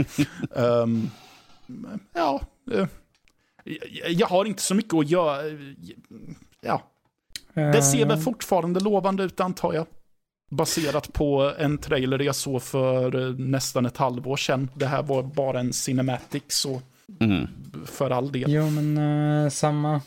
Jag är väl lite så här 50-50 på hur mycket tillit jag har till att det här ska bli bra eller inte. Men det verkar ändå vara mera liksom, jag är mera öppen för att det här ska vara bra än Avengers eftersom att det är inget live, eller så här, live service-spel. Precis, det här Ja. är ju bara ett rent single player-spel just och jag tror de borde ha lärt sig efter Avengers. Eh, Mm, Man det är kan ju hoppas i alla fall. Jag, sa det, jag, jag skrev det i min recension. Avengers måste ha mer content. Det måste ha mer än de, här, ba- de få banorna. Vad har hänt? Liksom? Vi har fått några saker, men i slutändan så är det liksom att folk bryr sig inte längre. Nej. För att det, är- det är fem, samma fem fiender, det är samma typ tre stycken specialbossar, men det är samma område, bara att vi kommer in från olika håll. Liksom. Så jag bara, ja, mm, behöver lite mer kött på benen. Mm. Men det här ser i alla fall lovande ut och det är ju också ett spel som går helt ifrån filmversionerna återigen. Ju. Så att Ja. de sätter sitt, sätter sitt egna, liksom, det här, vi är en separat entitet i alla fall. Eh, så ni lära känna oss på nytt. Liksom. Ni har redan kanske en bild av oss med att vi vill vara vår egna, lilla, eh, Mm. egna, egna spel med egna karaktärer som vi har byggt upp på så som vi vill ha dem. Ja, det är väl ändå en rimlig grej. Då slipper Mm. man att bli jämförd i onödan. Yes. Så. Ja. Även om det säkert är gnällspikar som sitter och bara, varför är det där inte Chris Pratt? Eller vem Ja. vad han heter. De, de har säkert lite kvar i lungorna sen de beklagar som Avengers. Liksom, "Äh, Varför det inte ut som i filmerna för? Ja, Det, det är för att det är spelversionerna. Ja. Eh, sen fick vi Uncharted Legacy of Thieves Collection utannonserad. Eh, som släpps till PC och PS5 med, eh, eh, vad heter den, Lost, Lost Legacy. Legacy. Lost Legacy och Ja. A Thieves End. A Thieves End som är Fjärde. uppiffade, uppiffade för Playstation 5. Så. Ja. Men inte ettan till trean eh, som de släpper. Eh, så det är lite eh, Nej, de intressant ändå att de väljer att släppa både, den, båda de två senare spelen i serien och Ja, det är ju de inte bästa. de tre första. Ja. Det är ju de bästa i och för sig så. Jag tror Men, problemet eh, ifall de skulle släppa ettan till trean så måste du egentligen göra en, en eh, remake. Eller en remaster på dem. För att eh, jag spelade igenom dem för inte så länge sedan och spelmekaniskt, åh gud. Ja, ja. Det är horribel. Alltså första spelet är, man märker kontrollerna. Eftersom jag började med att spela fjärde spel och sen gå tillbaka till första spelet var det liksom så här, "Äh, det, äh, har, jag har två stenar och slår ihop mot varandra. Det var typ som att gå tillbaka till stenåldern. Jo. Så Ja, att det jag tror jag. att de måste ta uppgradera och ta in, använda fyrans eh, spelmotor helt enkelt. Och eh, bygga om allting i nya, eh, helt nytt i fyrans engine. Eh, för att gå, eh, du kan inte bara ta dem och uppskala upp dem, att du måste fixa med det. Ja, alltså jag känner väl spontant att det är väl kul för de som sitter på en PC och som aldrig har haft en Playstation. Så att Mm. de kan få möjligheten att spela dem också. Ja. Yes. Så det är väl de som är de största vinnarna för eh, de flesta eh, Playstation-gamers jag känner har ju plöjt de här spelen redan. Så Mm. Tänkte Ja. du säga något Jesper? Jag skulle, ehm, vad var det? Eh, det jag skulle säga var att jag tycker det är lite märkligt då Lost Legacy är, eh, vad heter det, fokuserar ju på två karaktärer som är med i tvåan och trean, tror jag. Något, nej, tvåan och fyran kanske. ja, Eh, så det är ju karaktär som inte är med så jättemycket i, eh, jag, jag för mig om att man skymtar Chloe lite snabbt i eh, Jo, man skymtar henne, men man Ja. får inte så jättemycket om henne som ger liksom bakgrund till det som händer i Lost Legacy om jag minns rätt. Så jag tycker att det ändå är Nej, men så. Men eh, Ja. ja, det, det kommer kanske i framtiden. De kanske har det i sina eh, liksom bakfickor om man ska säga. De kanske håller på med det. Men ja. någon remake av något slag. Man vet ju aldrig. Mm. Eh, sen här har vi också Marvels Wolverine som kom som en chock. Ja, faktiskt. Förvånad. Jag hade absolut inte förväntat mig att vi skulle få se Wolverine eh, som ett spel här igen på ett tag. Nej, att det är Insomniac Games som gör det. Eh, och sen som vi kommer sådana senare då, Spider-Man 2 som vi kommer till sen. Mm. Men eh, att Insomniac Games kan liksom klämma på så här mycket spel så här snabbt, det är ju verkligen så här, det känns som att de har bär mycket på eh, bär mycket på Playstation 5 just nu med sina spel med både Ratchet and Clank, Miles Morales, eh, Spider-Man Miles Morales och Spider-Man Remastered som de släpper då samtidigt. Alltså, de, de är ju en stor studio, de har en Mhm. lång erfarenhet. Så att jag tror att det här är ju inga problem för dem egentligen. Ju. Det är ju Nej. bara liksom att planera ut, dela upp sig och sätta liksom att folk gör det de ska göra. Och, eh, som sagt, vi har ju Spider-Man 2 som utannonserades också och där har de redan erfarenheten från Miles Morales och första Spindelmannen som kom. Så där har de redan, de har motorn, de har tekniken, de har ju allt det där redan fixat. Det är bara liksom ny storyline, nya eh, figurer som ska med och vi fick ju se Venom som visades upp i slutet. Och folk spekulerar hårt på att det är Raven, eh, vad heter han? Craven the Hunter? Ja, jo, Craven. Ja. eh, baserat utifrån hans dialekt. Eh, att det är han som också kommer vara en av skurkarna. Så jag tycker det skulle bli intressant. Och jag, jag, man får ju både se Miles Morales och Peter Parker, så jag funderar, jag bara, kommer vi kunna försöka co-op kanske? Kanske, eller så får man köra eh, vissa segment med vissa karaktärer så man får lite olika berättelseperspektiv och sånt. Ja, jo. Eller att man kan välja mellan dem bara. Mm. Eh, För Miles Morales har ju i Spider-Man Miles Morales har han lite andra förmågor än Spider-Man. Han har ju den här elektriska grejen Mm. som inte Spider-Man har i sitt originalspel. Det ska intressant att se hur de gör med det. Om de väljer att inte Spider att eh, Peter, Peter Parker får det också i det här typ eller någonting. Eller om de bara tar bort det eller något. Det ska bli spännande att se helt enkelt. Eh, 2023 kommer den. Eh, Ja, Spider-Man det, 2. det, det är lite tag kvar sådär. Ja. Jo. Uh, jag, jag, jag, tar- jag hoppar till den största grejen av dem allihopa här. Vi fick äntligen se gameplay-trailer på God of War Ragnarök. Ja. Ja, det fick vi göra. Och jösses vad folk vart blöta i byxorna. Om de inte vart blöta i byxorna av Wolverine-grejen som tjänade just bara det syftet egentligen. Men jag tycker att det är fel att säga att det ser lovande ut för vi fick ju inte se någonting. Ehm, men okej, okay. God of War, Ragnarök. Ehm, det ser ut som att det blir mer av samma. Det ser ut som samma spel som vi fick för några år sedan. Och, och jag sitter och tänker att, ja visst, och förra spelet var ju bra. Men jag kan inte hjälpa att tycka att det är lite tråkigt att det ser ut att bara vara mer av samma också. Men, och vad vet jag, det här är ju till för att vi ska få en första blick och vi ska känna så här, yes, det här är på gång. Så då visar man eh, bekanta moment och så kanske det är något helt annat. Men just nu är jag lite så här, eh, Äh, ska det bara vara mer av samma? Eh, behövde vi verkligen det här? Ja.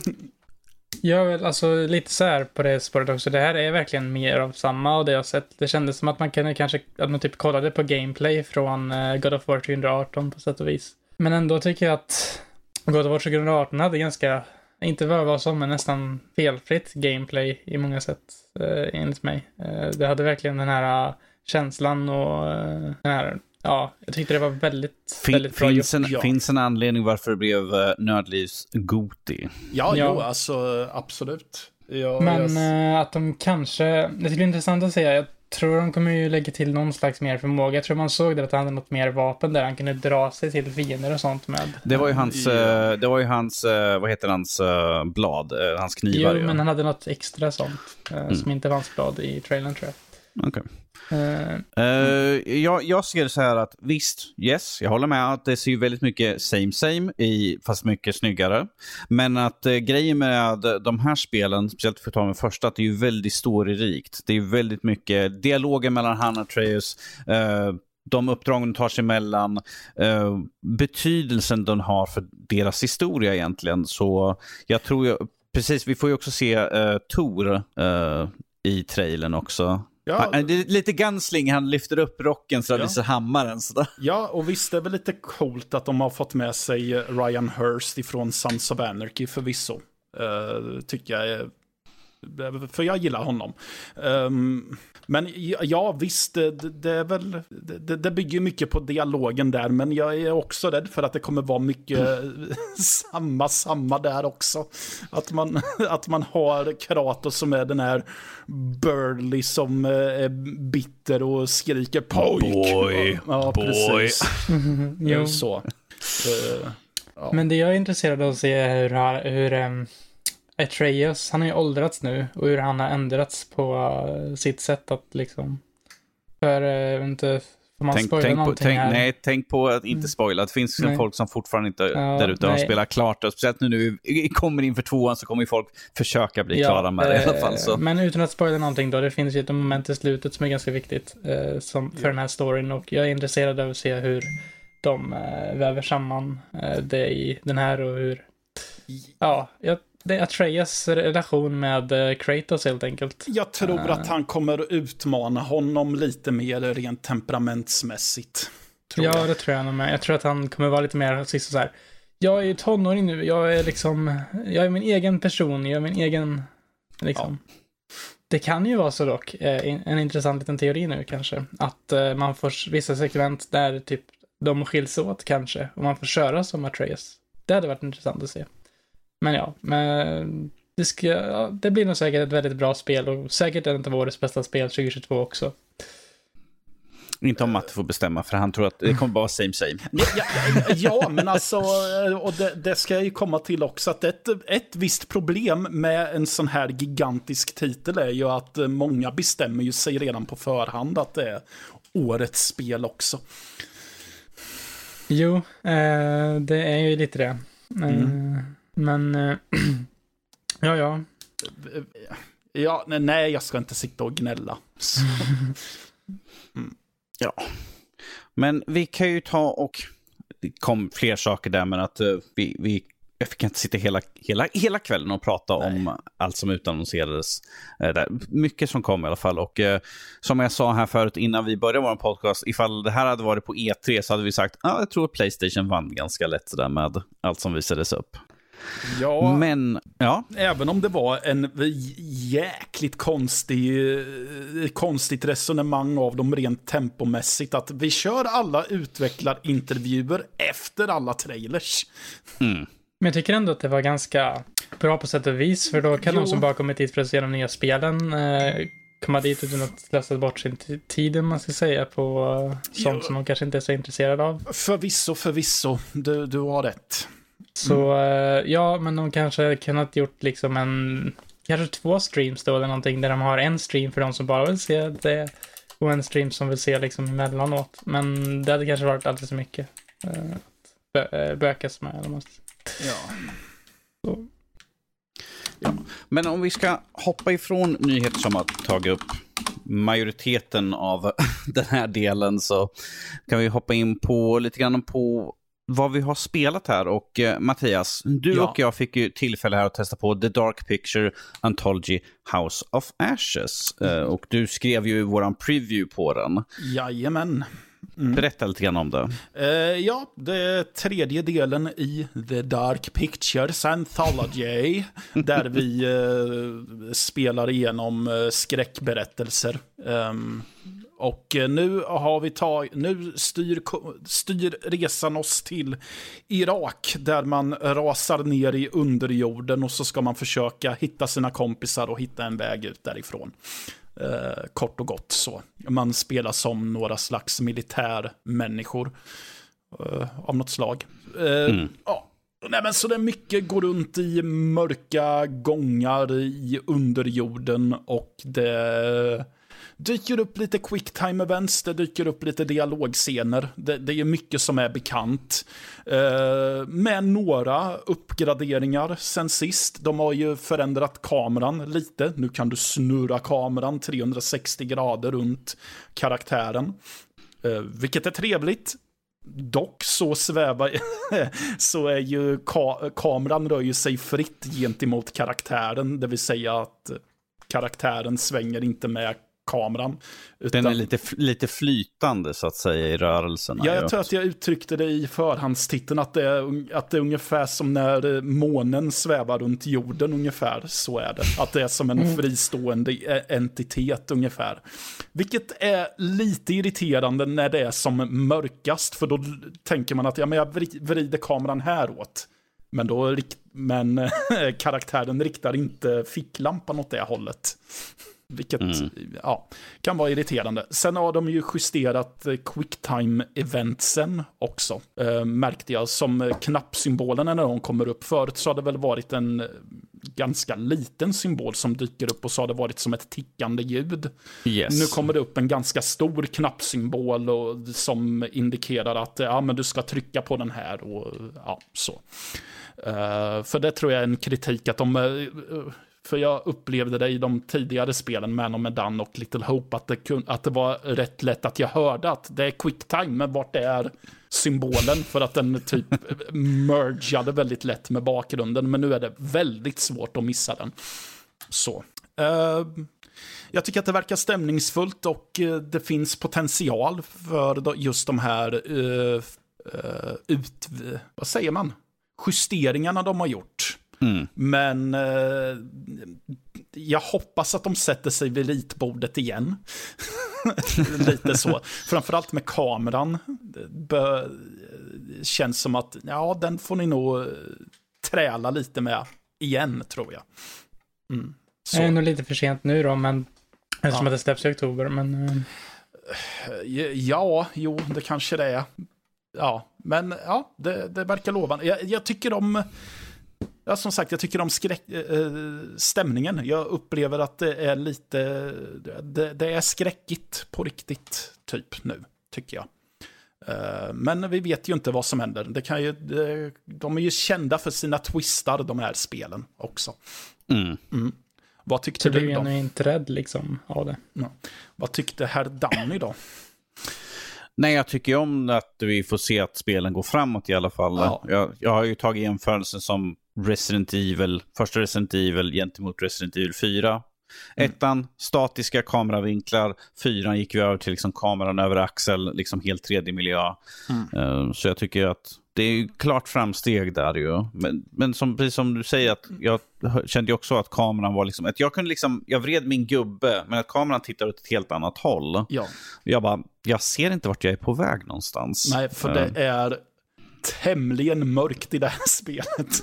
Det är ju det som man är under, jord, under jorden ju sådär bara en ficklampa eh, till hjälp ju så det är lite svårt ifall man ska försöka sik sikta och se vart man är någonstans. Ja, och egentligen tycker jag inte att mörkret är ett problem i det här spelet för att det, det, det, det spelar ju en roll här om man mm. säger så. Det är en essentiell del av miljön.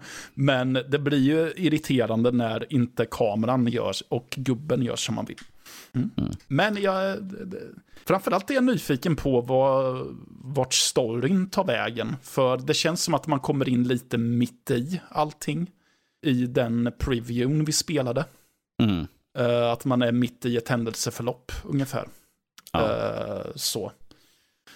Uh, och veta, är det riktiga demoner som gömmer sig där nere och lurar i mörkret? Eller är det något annat än de, de, kommer, de kommer fånga en demon, så går de rycker i örat och drar dem av. Liksom bara, I, got on, I would have gotten away with this if it wasn't for those pesky kids. Precis.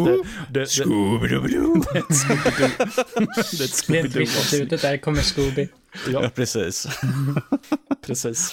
Nej, men eh, så det, ja, det, det kan man hålla utkik eh, efter, mm. tycker jag. Släpps, eh, när i oktober släppte det? Uh, det kommer jag inte ihåg. Oktober i alla fall. Ja, eh, till, lagom till halloween brukar de väl släppas har jag för mig om. Um, har väl varit ganska konsekventa med att de har kommit relativt lika. Så. Uh, det, är ju, de, det är ju snyggt också, måste jag säga. De... 22. Uh, mm. Ja, ja, tycker jag uh, att det är. Uh, väldigt snyggt också. 22, 22 oktober mm. Bra. släpps det här spelet. Mm. Uh, men om vi går från en mörkt och mörket till lite mer färgglatt sådär. Mm. Uh, Life is Strange True Colors är ju betydligt, en betydligt färggrannare serie. Uh, till skillnad från Dark Picture Horror Show, tänkte jag säga nu. Men... Eh, ja, det skulle man kunna säga på sätt och vis. Eh, men jag skulle säga att det är väldigt djupt och ganska sorgligt spel faktiskt. Ja, det... jag, tänkte, jag tänkte mer på det visuella eh, än liksom uh, det dramat som uh, spelserien, spelserien har. Liksom. Jo, men det är såklart. Um, det är ett, det nyaste serie, uh, spelet i den lång gående serien Life is Strange som eh, nu släpps idag. Eh, Life is Strange True Colors. Eh, vi får spela som huvudpersonen Alex Chen när hon flyttar in hos sin bror Gabe Chen i Haven Springs. Ett, en gruv, liten gruvby. Mitt ute i ingenstans i princip. Och ehm, hon har en superkraft precis som de andra karaktärerna, huvudkaraktärerna i ehm, Life is Strange-serien. Eh, men hennes superkraft, eh, superkraft är lite speciell. Eh, hennes superkraft är nämligen att hon kan, eh, hon har empati som superkraft. Hon kan känna av auror runt eh, eh sina medmänniskor. Och eh, om eh, den auran är eh, blå betyder det att de är ledsna. Om den är röd betyder det att de är arga och när den är lila betyder det att de är eh, eh, rädda. Så hon kan ta sig in i hjärnorna på människorna som känner de här olika känslorna och eh, ta del av olika minnen som, kan, som hon kan pussla upp för att kunna förhoppningsvis eh, hjälpa dem att eh, lösa sina bekymmer med sina känslor. Och det är i princip premissen med hela spelet. Det är väldigt enkelt spelmekaniskt. Det är typiskt så här peka-klicka story eh, typ av spel där man går runt och utforskar och ja, ta del av en berättelse och narrativet. Eh, jag vill inte säga så jättemycket om narrativet egentligen, för det är, det är ju liksom stora grejen med det här spelet. Men jag kan, jag kan säga att det är väldigt eh, känslomässigt och man känner verkligen för karaktären i den här staden. Eh, och det är väldigt eh, emotionellt skulle jag säga mot slutet, speciellt i sista kapitlet får man verkligen känna så här, oh shit, det var så här det var för henne. Oh. Och ja, eh, jag tycker verkligen att för mig är det nog en av de bästa spelen eh, i just den här eh, interaktiva berättelsegenren som det här och de andra Life is Strange-spelen och till exempel eh, Tell Me Why som släpptes förra året. är. Jag tycker ifall du är intresserad av Life is Strange eller den här typen av spel så tycker jag definitivt att du ska checka in detta. Jag måste bara fråga, för jag har inte så koll, men har de här spelen någon koppling emellan varandra eller är de helt fristående? Jag tänker, finns det karaktärer eller liksom ställen de är på som har någonting med de andra att göra? Jag är inte så jätteetablerad i serien så jag skulle inte kunna liksom pinpointa exakta kopplingar i så fall men jag tror inte det tekniskt sett att de har det. Det känns inte som att berättelser som håller sig väldigt fristående från varandra. Okej. Men jag skulle inte vara förvånad om det är något sån här att det är någon länkat universum eller någonting. Eh, att de alla är samma. Ett universum där folk har en specialkraft i alla fall. Så. jag tror att jag har fått för mig att ettan och tvåan är länkade på något sätt på det sättet. Så jag skulle inte vara förvånad om trean också är det. Men eh, jag tror att det är nya utvecklare. Eh, för Don't Nod hoppade ju av Square Enix och är nu Microsoft Studio. Eh, Mm. Sen de gjorde Twin Mirrors och Tell Me Why. Så det kan ju vara att de har tagit en annan riktning där, men jag skulle nog konsultera en um, riktig Life is Strange-expert. eh, Du, du, du menar att jag måste fråga Alexis om det här i så fall? Ja, just det, det är hon ja. Eh, det kan hon Om det, är göra. någon, om det är någon som vet det så är det nog hon som gör det i så fall. I alla fall. Ja. Jag tycker det är så kul när du började introduktionen på att du, hoppar in i hjärnor på folk och så letar upp och pusslar, pusslar runt med saker. Jag bara, Psychonauts 2? Ja, Tänkte jag direkt. alltså, eh, lite som det, fast det är inte på samma liksom, plan. Det är lite Psych- faktiskt... eh, Psychonauts 2 är med på den här komiska, tokiga, vi är lite småhöga, medan Life is Strange är liksom, det är dramaturgi på sin högsta esse liksom, liksom kän- känslomässiga utbrott och liksom hur folk mår och känner. Jag skulle nästan säga, spel för matte. Ja, det tror jag. Jag skulle dock säga att det har en del visuella grejer. Eh, till exempel, det är en scen där en folk, eh, det, är en, det är ett barn som känner rädsla för ett monster i ett stup. Och då får man liksom, porträtt- porträtteras det här monstret i stupet så man ser liksom monstret eh, när man är där.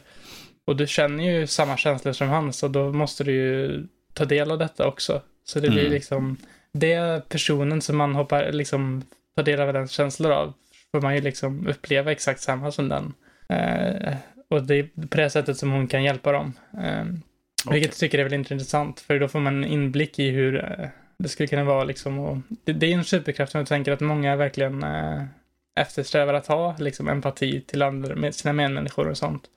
Eh, på sätt och vis. Eh, och eh, ja, det känns inte som att det är en liksom jätteonaturlig superkraft på ett sätt. För det är liksom, empati är ju någonting man kan känna i verkligen.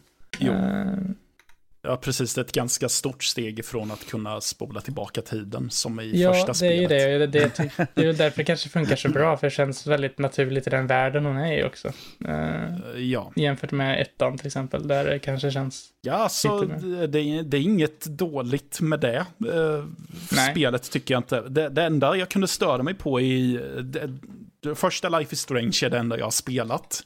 Det enda jag kunde störa mig på där var ju att den här spola tillbaka tiden-mekaniken och testa att göra andra val bara var till för att skapa en slags velighet i mig och aktivt göra mig osäker på mina val.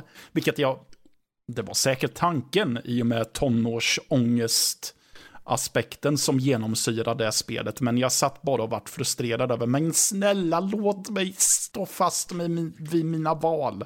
Jag vill ja, inte det bli på... dilemmat har man ju inte i uh, True Colors. För du kan ju du kan göra om valen om du väljer att spela om kapitlen, men i själva stunden, stundens hetta så är det ju, du gör ett val och det valet står du fast vid. Typ. Ja, det, det, är lite så jag vill ha det, om man säger så.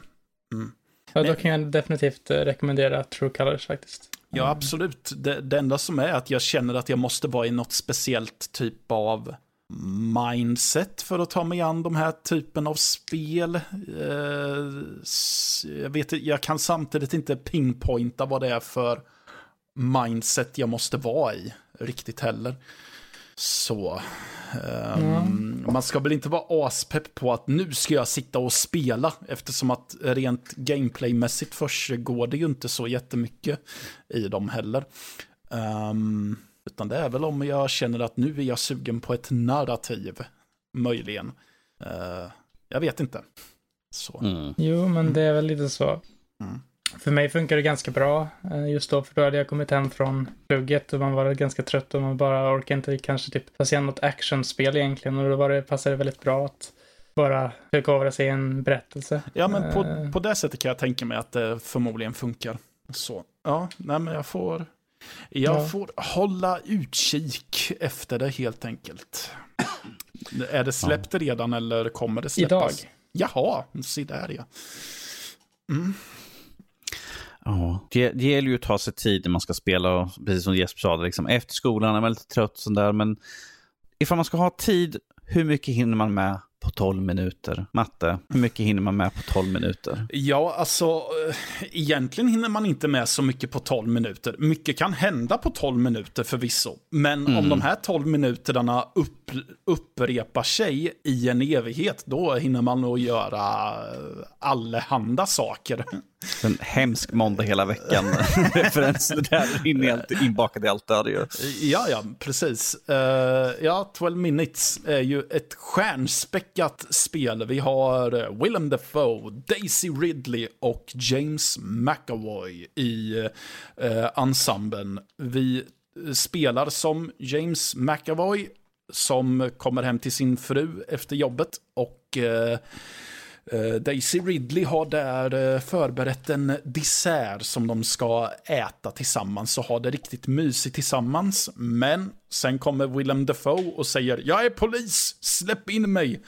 Och så försöker han arrestera frun och dödar James McAvoy. Han kanske dödar Daisy Ridley med, men det vet vi inte för vi vaknar upp igen innanför lägenhetsdörren och det är tillbaka på minut noll. Och det gäller mm. för oss då att hitta ett sätt att, ja men varför hände det här? Vad är orsaken till det? Och hur gör vi så att det här inte händer igen? Uh, så. Uh, så det är, ett, det är ett klassiskt peka-klicka-spel egentligen. Du, man klickar runt sig och uh, utforskar hela den här lilla lägenheten. Finns det detaljer som kan hjälpa mig? Och eh, det handlar också om att man kanske ibland får eh, helt enkelt gömma sig det första man gör i tidsloopen så att inte ens eh, frun märker att man är hemma bara för att få ledtrådar som man kan använda nästa gång allting startas om och så handlar det om ska jag försöka få dem att förstå att jag är i en tidsloop? Eller ska jag bara bete mig som att jag vet allting för att jag är jätte... Um, uh, perceptive. Jag vet inte vad som är en, ja, ett vettigt, en vettig översättning för det. Nej men, eh, det riktigt gött mysterium att ta sig an. Eh, för jag blir genast engagerad i att försöka lista ut vad som är orsaken till allt. Och den tar lite underliga svängar. Den har mer än en twist har den här, eh, har den här berättelsen. Som okay. alla är lite så här, okej. Okay. Och det är flera tillfällen där man tänker att okej, okay, men nu har jag brutit tidsloop. Nähä? Ha, vad ska jag göra då? um, sen när det faktiskt visar sig hur allting egentligen ligger till, så vet jag inte riktigt. Den rör sig in i ett område där jag känner att, eh, alltså jag tycker fortfarande jättemycket om det, men jag har suttit och funderat på huruvida jag faktiskt tycker att, eh, för det är, nästan att, det är nästan som att de går in i ett område för att vara lite edgy vid ett mm -hmm. tillfälle och att nu, nu pushar vi gränser här vad det gäller tabun och grejer. Uh, jag vet inte om jag tycker att det är... Jag tycker fortfarande att det är bra samtidigt som det är så här i efterhand och jag faktiskt lyckades... För när jag skrev recensionen så hade jag inte lyckats ta mig då hade jag inte lyckats bryta tidsloopen än. Utan det gjorde jag några dagar efter.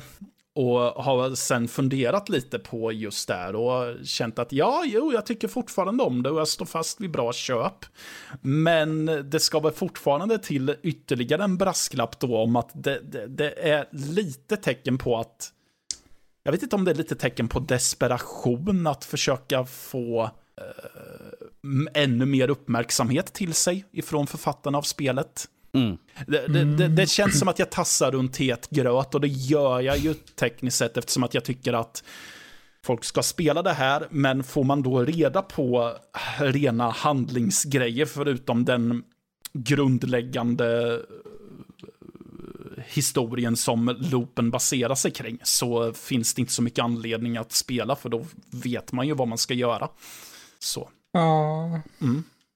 Det är väl lite det. Jag har varit lite så här velig om jag ska testa eller inte. För jag känner att tänker, det känns som att det kan bli ganska frustrerande stundtals i uh, att man typ blir lost i vad man ska göra i såna, den, just det spelet. Men, äh, ja, det finns ju... Det finns ju risk för det. För några tänker jag att eh, några kommer nog bli väldigt frustrerade över att och bara stirra sig blind på att jaha, men då vet jag inte vad jag ska göra. Då kan det här spelet dra åt helvete mm. ungefär. Men eh, eller så är man som mig som tänker oh, intriguing.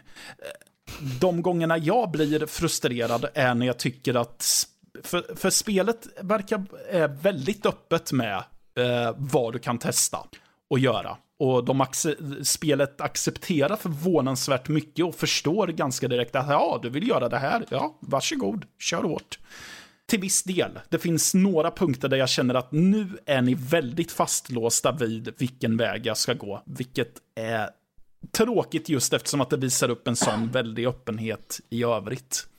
Så. Men det är ett bra mm. spel och jag rekommenderar det för folk Det är på Game Pass, så det blir väl att testa någon gång, i alla fall mot slutet av året, så man kan eh, hänga med i diskussionerna kring det för en Gotin där. Ja, nu göra faktiskt. Ja, absolut. Mm. Har du kört det, Danny? Oh, Gud, jag har inte haft tid. Jag har liksom bara haft tid. Eh, vilket spel jag tänker ta upp just nu. Jag har inte haft tid för jag har suttit och spelat Tales of Arise. Mm. Uh, vilket är ett JRPG. Uh, eh, spelet, eller sp spelserien firar nu 25 år. Eh, lite grann drivet på gränserna, eh, lite mer åt 26 år egentligen, men som de, eh, de på Bandai sa att, liksom att ja, men vi har firat nu 25-årsfirande i lite förlängd version så att säga.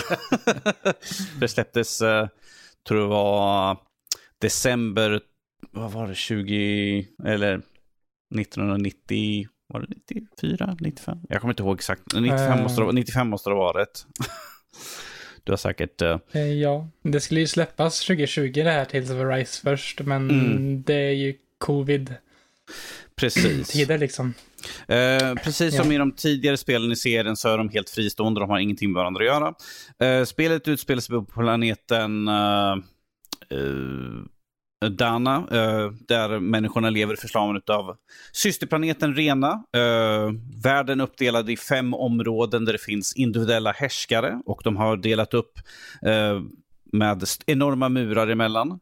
Vi får träffa på och inta rollen som mannen i järnmask, mannen utan minne och mannen som inte kan känna smärta. Han kommer träffa på en kvinna som bara delar ut smärta. Det här låter som en väldigt kinky novell snart här känns det som. Men en kvinna som kommer från Rena och hon har, de har krafter som gör att hon, ingen kan röra henne för att bli de skadade. Eh, och de, eh, mannen i järnmasken är ju slav men han tar liksom och slår tillbaka och går med i, uh, vad heter det? Rena? Han blir, han, blir, han blir en rebell och slår tillbaka och ger sig av ut för att frigöra sitt folk helt enkelt. Med hjälp av kvinnan så kan han få ett brinnande järnsvärd, eller brinnande svärd som uh, han är, är en riktig superkraft som spör skiten ur alla höger och vänster. det är liksom väldigt OP, måste jag säga. Men att eh, där har man i alla fall grunden att man ska ta sig igenom de olika delarna av planeten där. Ta död på herrarna som sitter på toppen och eh, frigöra planeten helt enkelt. Jag vill inte säga för mycket för att jag vet att Jesper han sitter på och liksom bara laddas ner, laddas ner, laddas ner, jag vill spela snart. Eh, klassiskt JRPG. Eh, vad du tror att du får är precis vad du får, men i ett väldigt vackert paket. Spelet ser fantastiskt snyggt ut. Eh, flyter på väldigt bra. Uh, musiken är underbar också.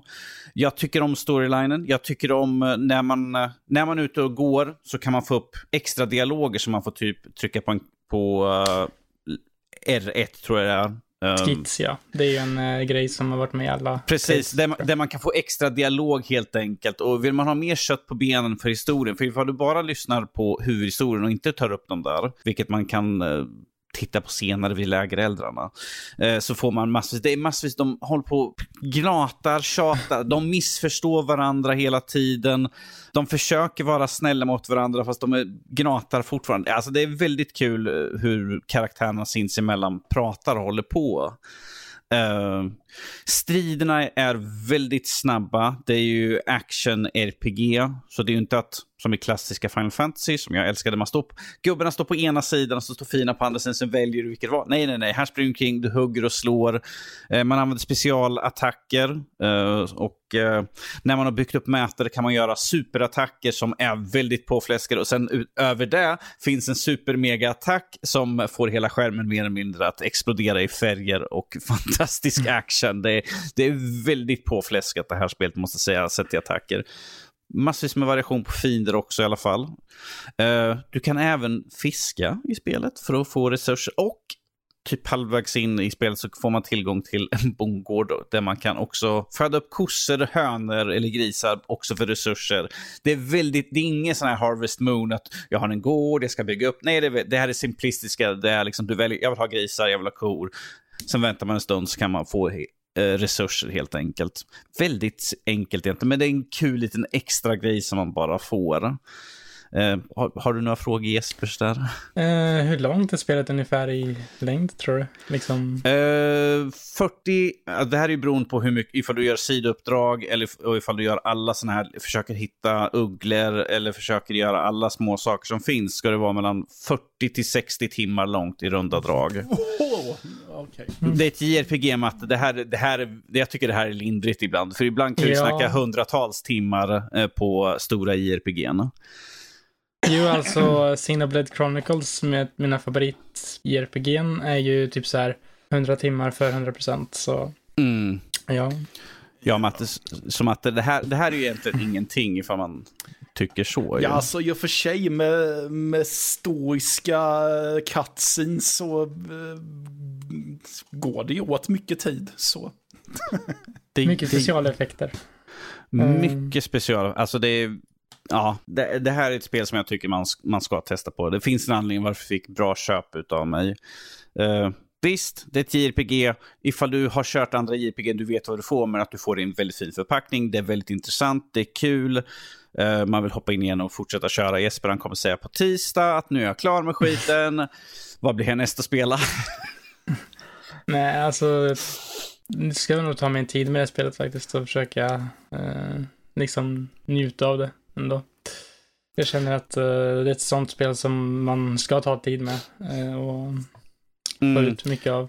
Eh, recensionskoden som jag fick till mig var en sån här Ultimate Edition. Så då är det ju massvis med kläder, massvis med såna här bonussaker. Eh, alltså sån här att du får mer XP, du, får min, behöver betala mindre i butik. Jag har inte slagit igång någonting.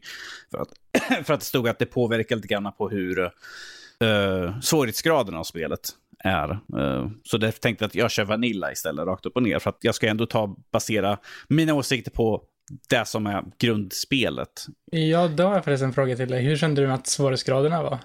I, Eh, det finns ju... Ja, ja, jag säger att det finns två svårighetsgrader. För att en är liksom, du behöver inte tänka så mycket på strider.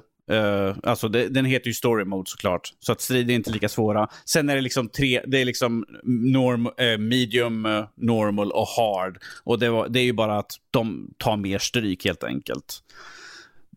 Det är kort och gott. Alltså, det är ju bara ifall du vill ha en utmaning. För en van spelare så kommer du ta en högre svårighetsgrad. Vill du bara liksom leisure och ta liksom lugnt och njuta av spelet så tar man ju story mode såklart.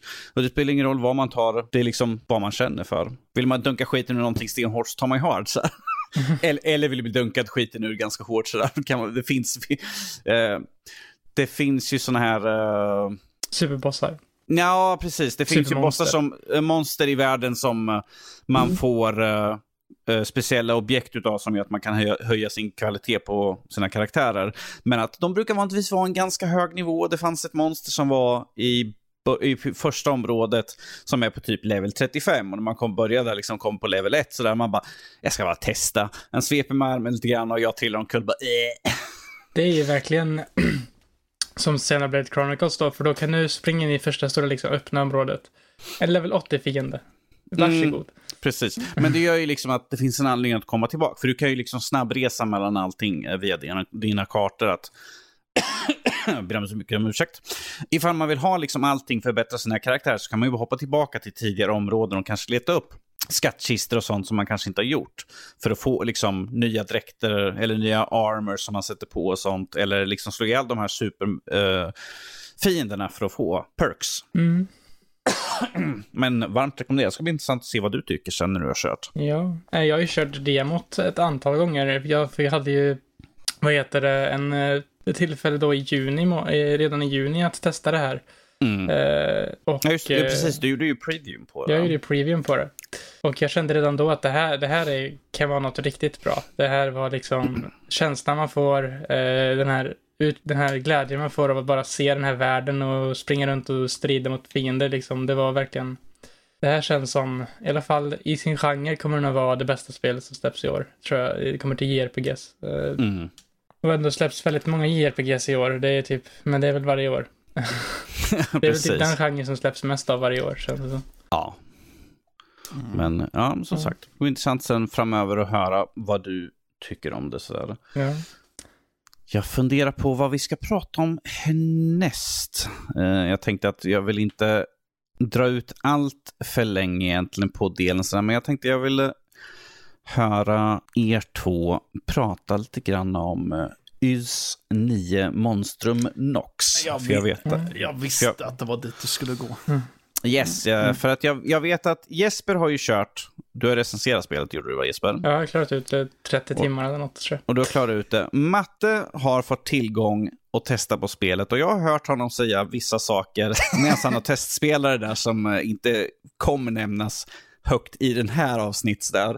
Men att eh, jag vill gärna höra, mm, Jesper, din kan man ju läsa recensioner där, så vi kommer komma in på vad du tycker. Men Mattias, vad är dina intryck av din första gång du spelar ett YS-spel? Uh, eh, alltså först fattade jag ju inte ett skit. Eh, gjorde jag inte eftersom att det var, var så här, ja, du springer i en fängelsehåla och springer ifrån några röster som hojtar bakom dig och jag fattade ingenting. Sen fattade jag ju att, aha, det var väldigt mycket poängen för sen eh, blir det ju som någon slags, du kommer ifrån det här. Så. Eh, så först var det förvirring. Eh, sen rent generellt så tycker jag att det är ju det, det är ju kul just när det kommer till fighting, tycker jag. Just när man slåss mot monster så gillar jag det jättemycket. Och jag gillar de flesta bossfighter i alla fall. Uh, kan tendera att vara lite lätt ibland känner jag. Även om jag, för jag satte igång på medium tror jag. Men sist jag satt så tänkte jag, jag höjer till hard istället för det, det, det, känns som att jag typ bara springer, det är som att jag är en ångvält och bara springer över alla fiender ungefär. Förutom vissa av bossarna, där eh, Eh, det faktiskt kunde vara lite lurigt ibland. Men, även om jag gillar tempot i striderna och allt det där, så jag har ju ett litet problem i att spelet sen springer in i en tegelvägg och tar tvärstopp rent tempomässigt när det kommer till allt det andra man gör i spelet. Det vill säga man ränner runt i stan, man pratar med folk. Det är ju typ det man gör. Uh, så. Mm. Och uh, jag, jag sa ju det lite förut just om väldigt stoiska dialogscener och det, det, det, tog jag ju väldigt mycket härifrån för det är ju väldigt lite som händer just då. Och det känns som att jag sitter bara och tittar på text. Vilket jag väldigt mm. ofta gör. Och eh, känner att just... Eh jag känner att just eh, där, där är det lite schizofrent rent tempomässigt. Så. Och sen blir jag ju ga sen blir jag ju knäpp på det här att man bara har voiceat vissa partier med. Mm. jag, jag fattar att det är en grej i eh, många JRPG. Men... Tates of Arise har det också. Ja. Så. Uh, men uh, å andra sidan så, vill, så ska jag ju säga att jag kommer ju troligtvis spela mer av det. Så jag är ju inte helt avskräckt heller. Jag, jag hoppas att spelet då, när du tar upp det igen, berättar hur du gör saker och ting. ja, nej, det, det, nej. Just det, tack för att du påminner mig. Des, oh, de, alla dessa tutorial-skärmar som dyker upp i tid och jävla otid. Och det är saker som de redan har förklarat för mig som dyker upp med. Där jag sitter och tänker, ja, jag vet hur jag gör det här. Ni förklarade det för mig för en timme sedan.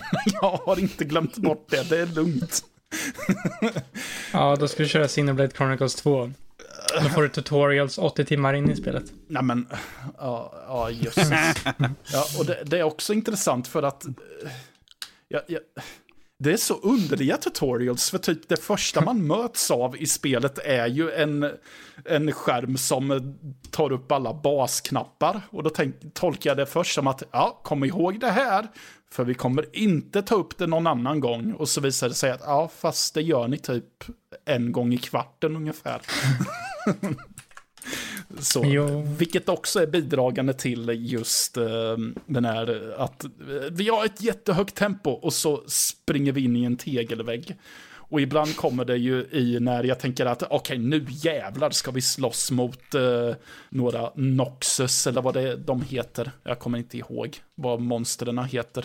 Le, lim, lemurer hette några. Ja, de heter lemurer, ja. Vilket jag tyckte var roligt. Uh, men, och då tänker jag så här, så, nu, nu jäklar blir det fighting. Ja, men jävla tutorial, försvinn med dig. ja. ja. Det, det är nog en grej man får leva med i JRPG tror jag. För uh, tutorials i överflöd är någonting uh, som ganska ofta kan förekomma. Mm. Jag tycker också att striden är väldigt, uh, flyter på väldigt bra i, i just uh, 9. Uh, ja. Jag tycker att uh, berättelsen blir mer och mer intressant hur långt man kommer i spelet. Jag tycker det kanske var lite åt det sega hållet i början faktiskt. Ja. Kan jag hålla med om. Det var väldigt så här, det kommer in mitt i en grej. Ehm, bara mm. liksom och... Eh, så om man inte har kört spelen innan så blir det liksom, det här är en karaktär som finns här och liksom, ja, han finns här och är i den här staden nu. Och ja, han har, upp, han har hållit på med... Uh, han, har ett lite, han har ett stökigt förflutet, tydligen. Ja, det har han. Ja. Um, Eh, Eh, I alla fall, enligt, ja, för han har varit med i en massa andra spel innan, den här Adol Kristin. så heter Eh, men, eh, ja. Det jag tycker också, det är, är kul att du nämnde det, för jag tycker också att spelet var lite väl lite lätta hållet på den lätt, normala svårighetsgraden ända in i slutet faktiskt. Okej. Det var verkligen så här, du kan masha en knapp om och om igen i timtals typ och ändå vinna. Ja. Så eh, ja, eh, det var väl det största minuset egentligen jag hade kanske med att det, balanseringen kanske inte var jättebra på det sättet. Nej. Men annars tycker jag att eh, för vad det är så tycker jag ändå att det blir väldigt intressant, särskilt mot slutet där och det finns, det var väldigt länge sedan jag körde det, men det finns ändå många kvaliteter. Det kanske inte är ett JRPG som jag rekommenderar att alla nybörjare till genren spelar, eftersom att det är ändå Som Ett, matte eh, alltså. det är ett spel som har ofta, ett- Is-serien och eh, Falcom-spel överlag, de här som har gjort de här är oftast, de har oftast en väldigt, en väldigt specifik eh, following, eller vad man ska säga. Både den och eh, Trails-serien, som också är ett JRPG av dem. Det är väldigt stora och gamla serier som har en, en gedigen fanbase, men eh, att bara komma in så här eh, i, i slutet på serien kanske är lite svårt och dessutom när man inte är van vid mycket JRPG-tropes och sånt så blir det kanske lite avskräckande eh, för många. Men eh, Ja. Ma- Matte, skulle varit, du skulle varit med på min tid när man körde första spelet. Jag minns det var våren 87. Spelet är från 87, första spelet. Eh, Så, Isbok eller? Vad sa du? Isbok? I- Isbok? Heter det inte så? Y- Book One. Ja, Isbok One. Precis. Mm. Jag, tror- jag, tror, jag tror det bara hette YS då på den tiden. Sådär. Ja. För att jag tror, jag tror att Book lade de till när de släppte ettan och tvåan i en sån här liten samlingsutgåva. ju. Yes, Matte. Det, det är ju en sak som en liten appendix bara som jag tyckte bidrog till min underhållning. Eh, men det är, nog inte för, det är nog inte för spelets bästa tror jag heller. Det ska bli spännande. Nej, nej, nej, men jag, nej, men jag förstår ju att många JRPG-spelare, de kör ju med originalspråk. Jag, jag har ju kört med engelskt tal och har inte ångrat en sekund för att den är ju hysteriskt lökig ibland, vilket är fantastiskt. Ja, Jag körde den med originalspråk tror jag, så jag kan inte kommentera på det. Nej, eh, men den engelska dubben tycker jag är hysteriskt kul att lyssna på ibland för att det, det är så väldigt underliga röstval och eh, en del eh, repliker sagda av dem så här, Det är väldigt roligt att Ja, höra. rekommenderar jag dig att kolla upp på YouTube Chaos Wars och Ark Rise Fantasia om du vill se väldigt underhållande engelska röster i JRPGs. Ja, okej. Mm. De är hysteriskt dåliga så det är liksom, hur kan de ens, det är liksom, en utav dem är, han har anställt sin familj att göra rösterna. Och Mm. liksom, Wow. det är typ så här, en- de, de är ju inte voice actors för ett öre liksom. Ja. Men ja. Ja. Det kan vara lite kul kanske ibland. Jag vet att jag har sett lite av det här Legend of Mana tror jag det var som, eller Trials of Mana tror jag det som släpptes förra året till eh, den här remaken av, jag tror Danny recenserade det. Och de engelska rösterna i det var väl lite roliga. Jag körde demot på den. Det var, Kunde, kunde ha varit värre, ja. helt enkelt. Mm. Jag måste säga att uh, Tales of Rise hade faktiskt helt okej. Jag körde med engelska texter, jag hade inga problem med dem alls. Eh, det, det, det är till och med så att det fungerar så bra att jag tog inte ens upp i recension. Liksom, för att ifall det är riktigt dåliga, då kommer jag ändå påpeka det. Men att jag hade inga problem alls med de engelska röstskådespelarna i den. Visst, eh, vill man ha liksom den riktiga upplevelsen ska man ju såklart köra på originalspråk. För att de, de eh, asiatiska röstskådespelarna, de lever ju sig verkligen in i det här. Liksom skriker och gormar och håller på sådär och verkligen gruffar till sig för att vara tuffa och så. Medan engelska liksom så här, ja, men det, det, det är liksom så här, ja, du är den här karaktären. Oh, oh, oh. Ja, ja, ja, men det, det är så fantastiskt kul att höra röstskådespelare där de är, där till, till och med de sitter och undrar vad är det som pågår här? Vad, vad är det som händer? Vad gör vi egentligen? Ja, Mm. ehm, jo, jag fick också det i Tales of Arise, att röstskådespelet eh, ändå var, eh, för jag körde det med engelska röst, jag testade båda rösterna när jag gjorde previewn, och jag tyckte ändå att nästan engelska var att föredra på något sätt, för jag kände att man hörde liksom banter mellan karaktärerna när man gick runt där, och det kändes som att det gav en del till spelupplevelsen ändå, att man Mm. kunde förstå vad de säger när de går runt. Ja, Eh, Så jag kommer att köra på engelska faktiskt. Det. Jag tycker det är skönt att slippa och sitta, liksom stanna upp liksom och bara sitta och läsa text. Eller vad är det för någonting hon säger. Det låter jättespännande. Hon skriker jättehögt och han håller på och gråter i ett hörn. Liksom. Jag skulle önska jag visste vad de sa för någonting. Sådär. Backa. Ja, jo, precis. Mm. Det är vad de tycker och säger. Sådär. Mhm. Men jag vet inte riktigt vem i spelen som jag skulle säga är den största backen. Eller ja, jag, har, Mhm. jag skulle kunna säga med det, men jag vill inte spoila saker. Det finns alltid en partymedlem som är en största. Well, jo, jo, jo, jo. Men med det, ja, vi har massvis vi kan prata om, sådär, men jag känner att eh, vi börjar komma uppåt i tiden här just nu eh, på avsnitt och sådär. Jag tänker att vi tar upp hela söndagen för folk här just nu och vi kan ju spara och prata till nästkommande avsnitt istället. Sådär. Eh, med det sagt, vill ni ha mer av oss kan ni hoppa in på vår hemsida www.nördliv.se. Uh, där kan ni hitta alla våra recensioner. Allt, allting vi har pratat om just nu uh, finns ju ute att läsa. Uh, om ni vill hitta oss på andra platser så är det Twitter eller Instagram. Då är det bara att söka på atnordliv.se. Uh, våra, ifall ni vill skriva till oss, info at nordlypodcast.se. Alternativt ifall ni vill skriva till någon av oss tar vi bara våra förnamn. Så det blir liksom Danny, eller Jesper eller Mattias at nordlypodcast.se. Uh, eh, något ni också kan göra är att hoppa in på vår Discord. Vilket vi exakt just nu sitter, för vi använder det här när vi spelar in också. Så vi sitter där inne och, och efter det kommer vi säkert skriva något strunt till någon i chatten. Om ni vill nå oss på hemsidan så tar ni bara in på första sidan, scrollar ner lite grann och det finns en stor Discord-knapp så kan ni bara klicka på den. Står det står connect så kommer ni direkt in i Discorden och så kan ni vara med på våra Discord-frågor eh, som vi kommer ha. Och vi brukar alltid ha någon efter den här eh, podcasten. Eh, den här gången kommer det ju då vara... Eh, vilket Playstation-spel var ni mest hypade för på Playstation-showcasen? Eh, Precis. Vad var förra veckan? Så vi kanske ska återkoppla till den lite snabbt här. Det kan du göra sådär ifall du får upp den snabbt. Sådär. Var är ens omröstningar? Det, det var hur många timmar lägger du på ett spel varje vecka? Och eh, majoriteten lägger runt 11 till 15 timmar. Eh, känns ändå ganska rimligt. Det, Jo. ja. Skulle önska jag kunde lägga så lite timmar ibland. Så. jag menar, så, så jag kanske får tid att göra någonting annat sådär, men nu har fu- varit fullt upp med eh, konferenskameror, långa spel och gud vet allt annat. Ja, jag tänkte inte på mig, jag har kört rallybil. Du har kört rallybil, precis.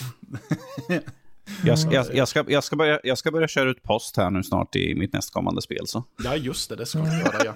Och det är ju inte de- Death Stranding då, utan det är ju Lake. Nej, nej, nej, nej, det här är mitt... Jag har redan gjort Death, jag har redan recenserat Death Stranding, eller Post in the Game som jag kallar det då. Så, här. så nu, nu- blir det faktiskt att jag ska dela ut post i nästkommande spel jag recenserar. Så. Du är Nördlivs egna brevbärare. Ja, Och Det är jag- han ju faktiskt. eh, Ja. Daniel Aron. Ja. Precis. Ja. Och, jag är, och jag är simulatormatte tydligen. Mm. och Jesper han har inte tid att vara någonting för han sitter och spelar spel som han ska bränna igenom och klara av. Jag vet inte hur många du har klarat av i år sådär.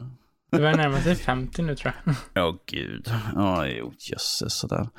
Matte, har jag glömt någonting och pluggat nu inför slutet här nu på delen? Patreon.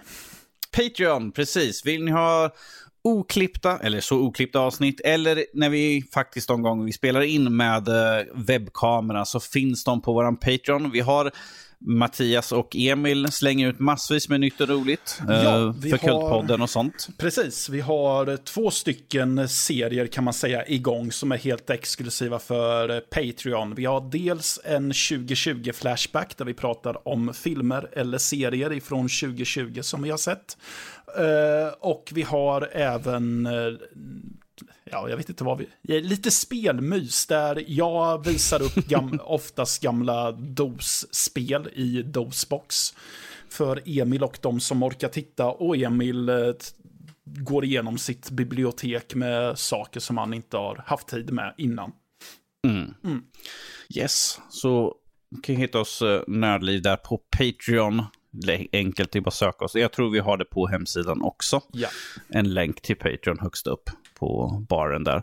Men med det sagt så vill jag ju tacka Mattias och Jesper att ni varit med den här veckan. Och eh, jag hoppas att ni som lyssnar kommer tillbaka och lyssnar på oss nästa vecka igen. Toodaloo! Hej då. Adjö. you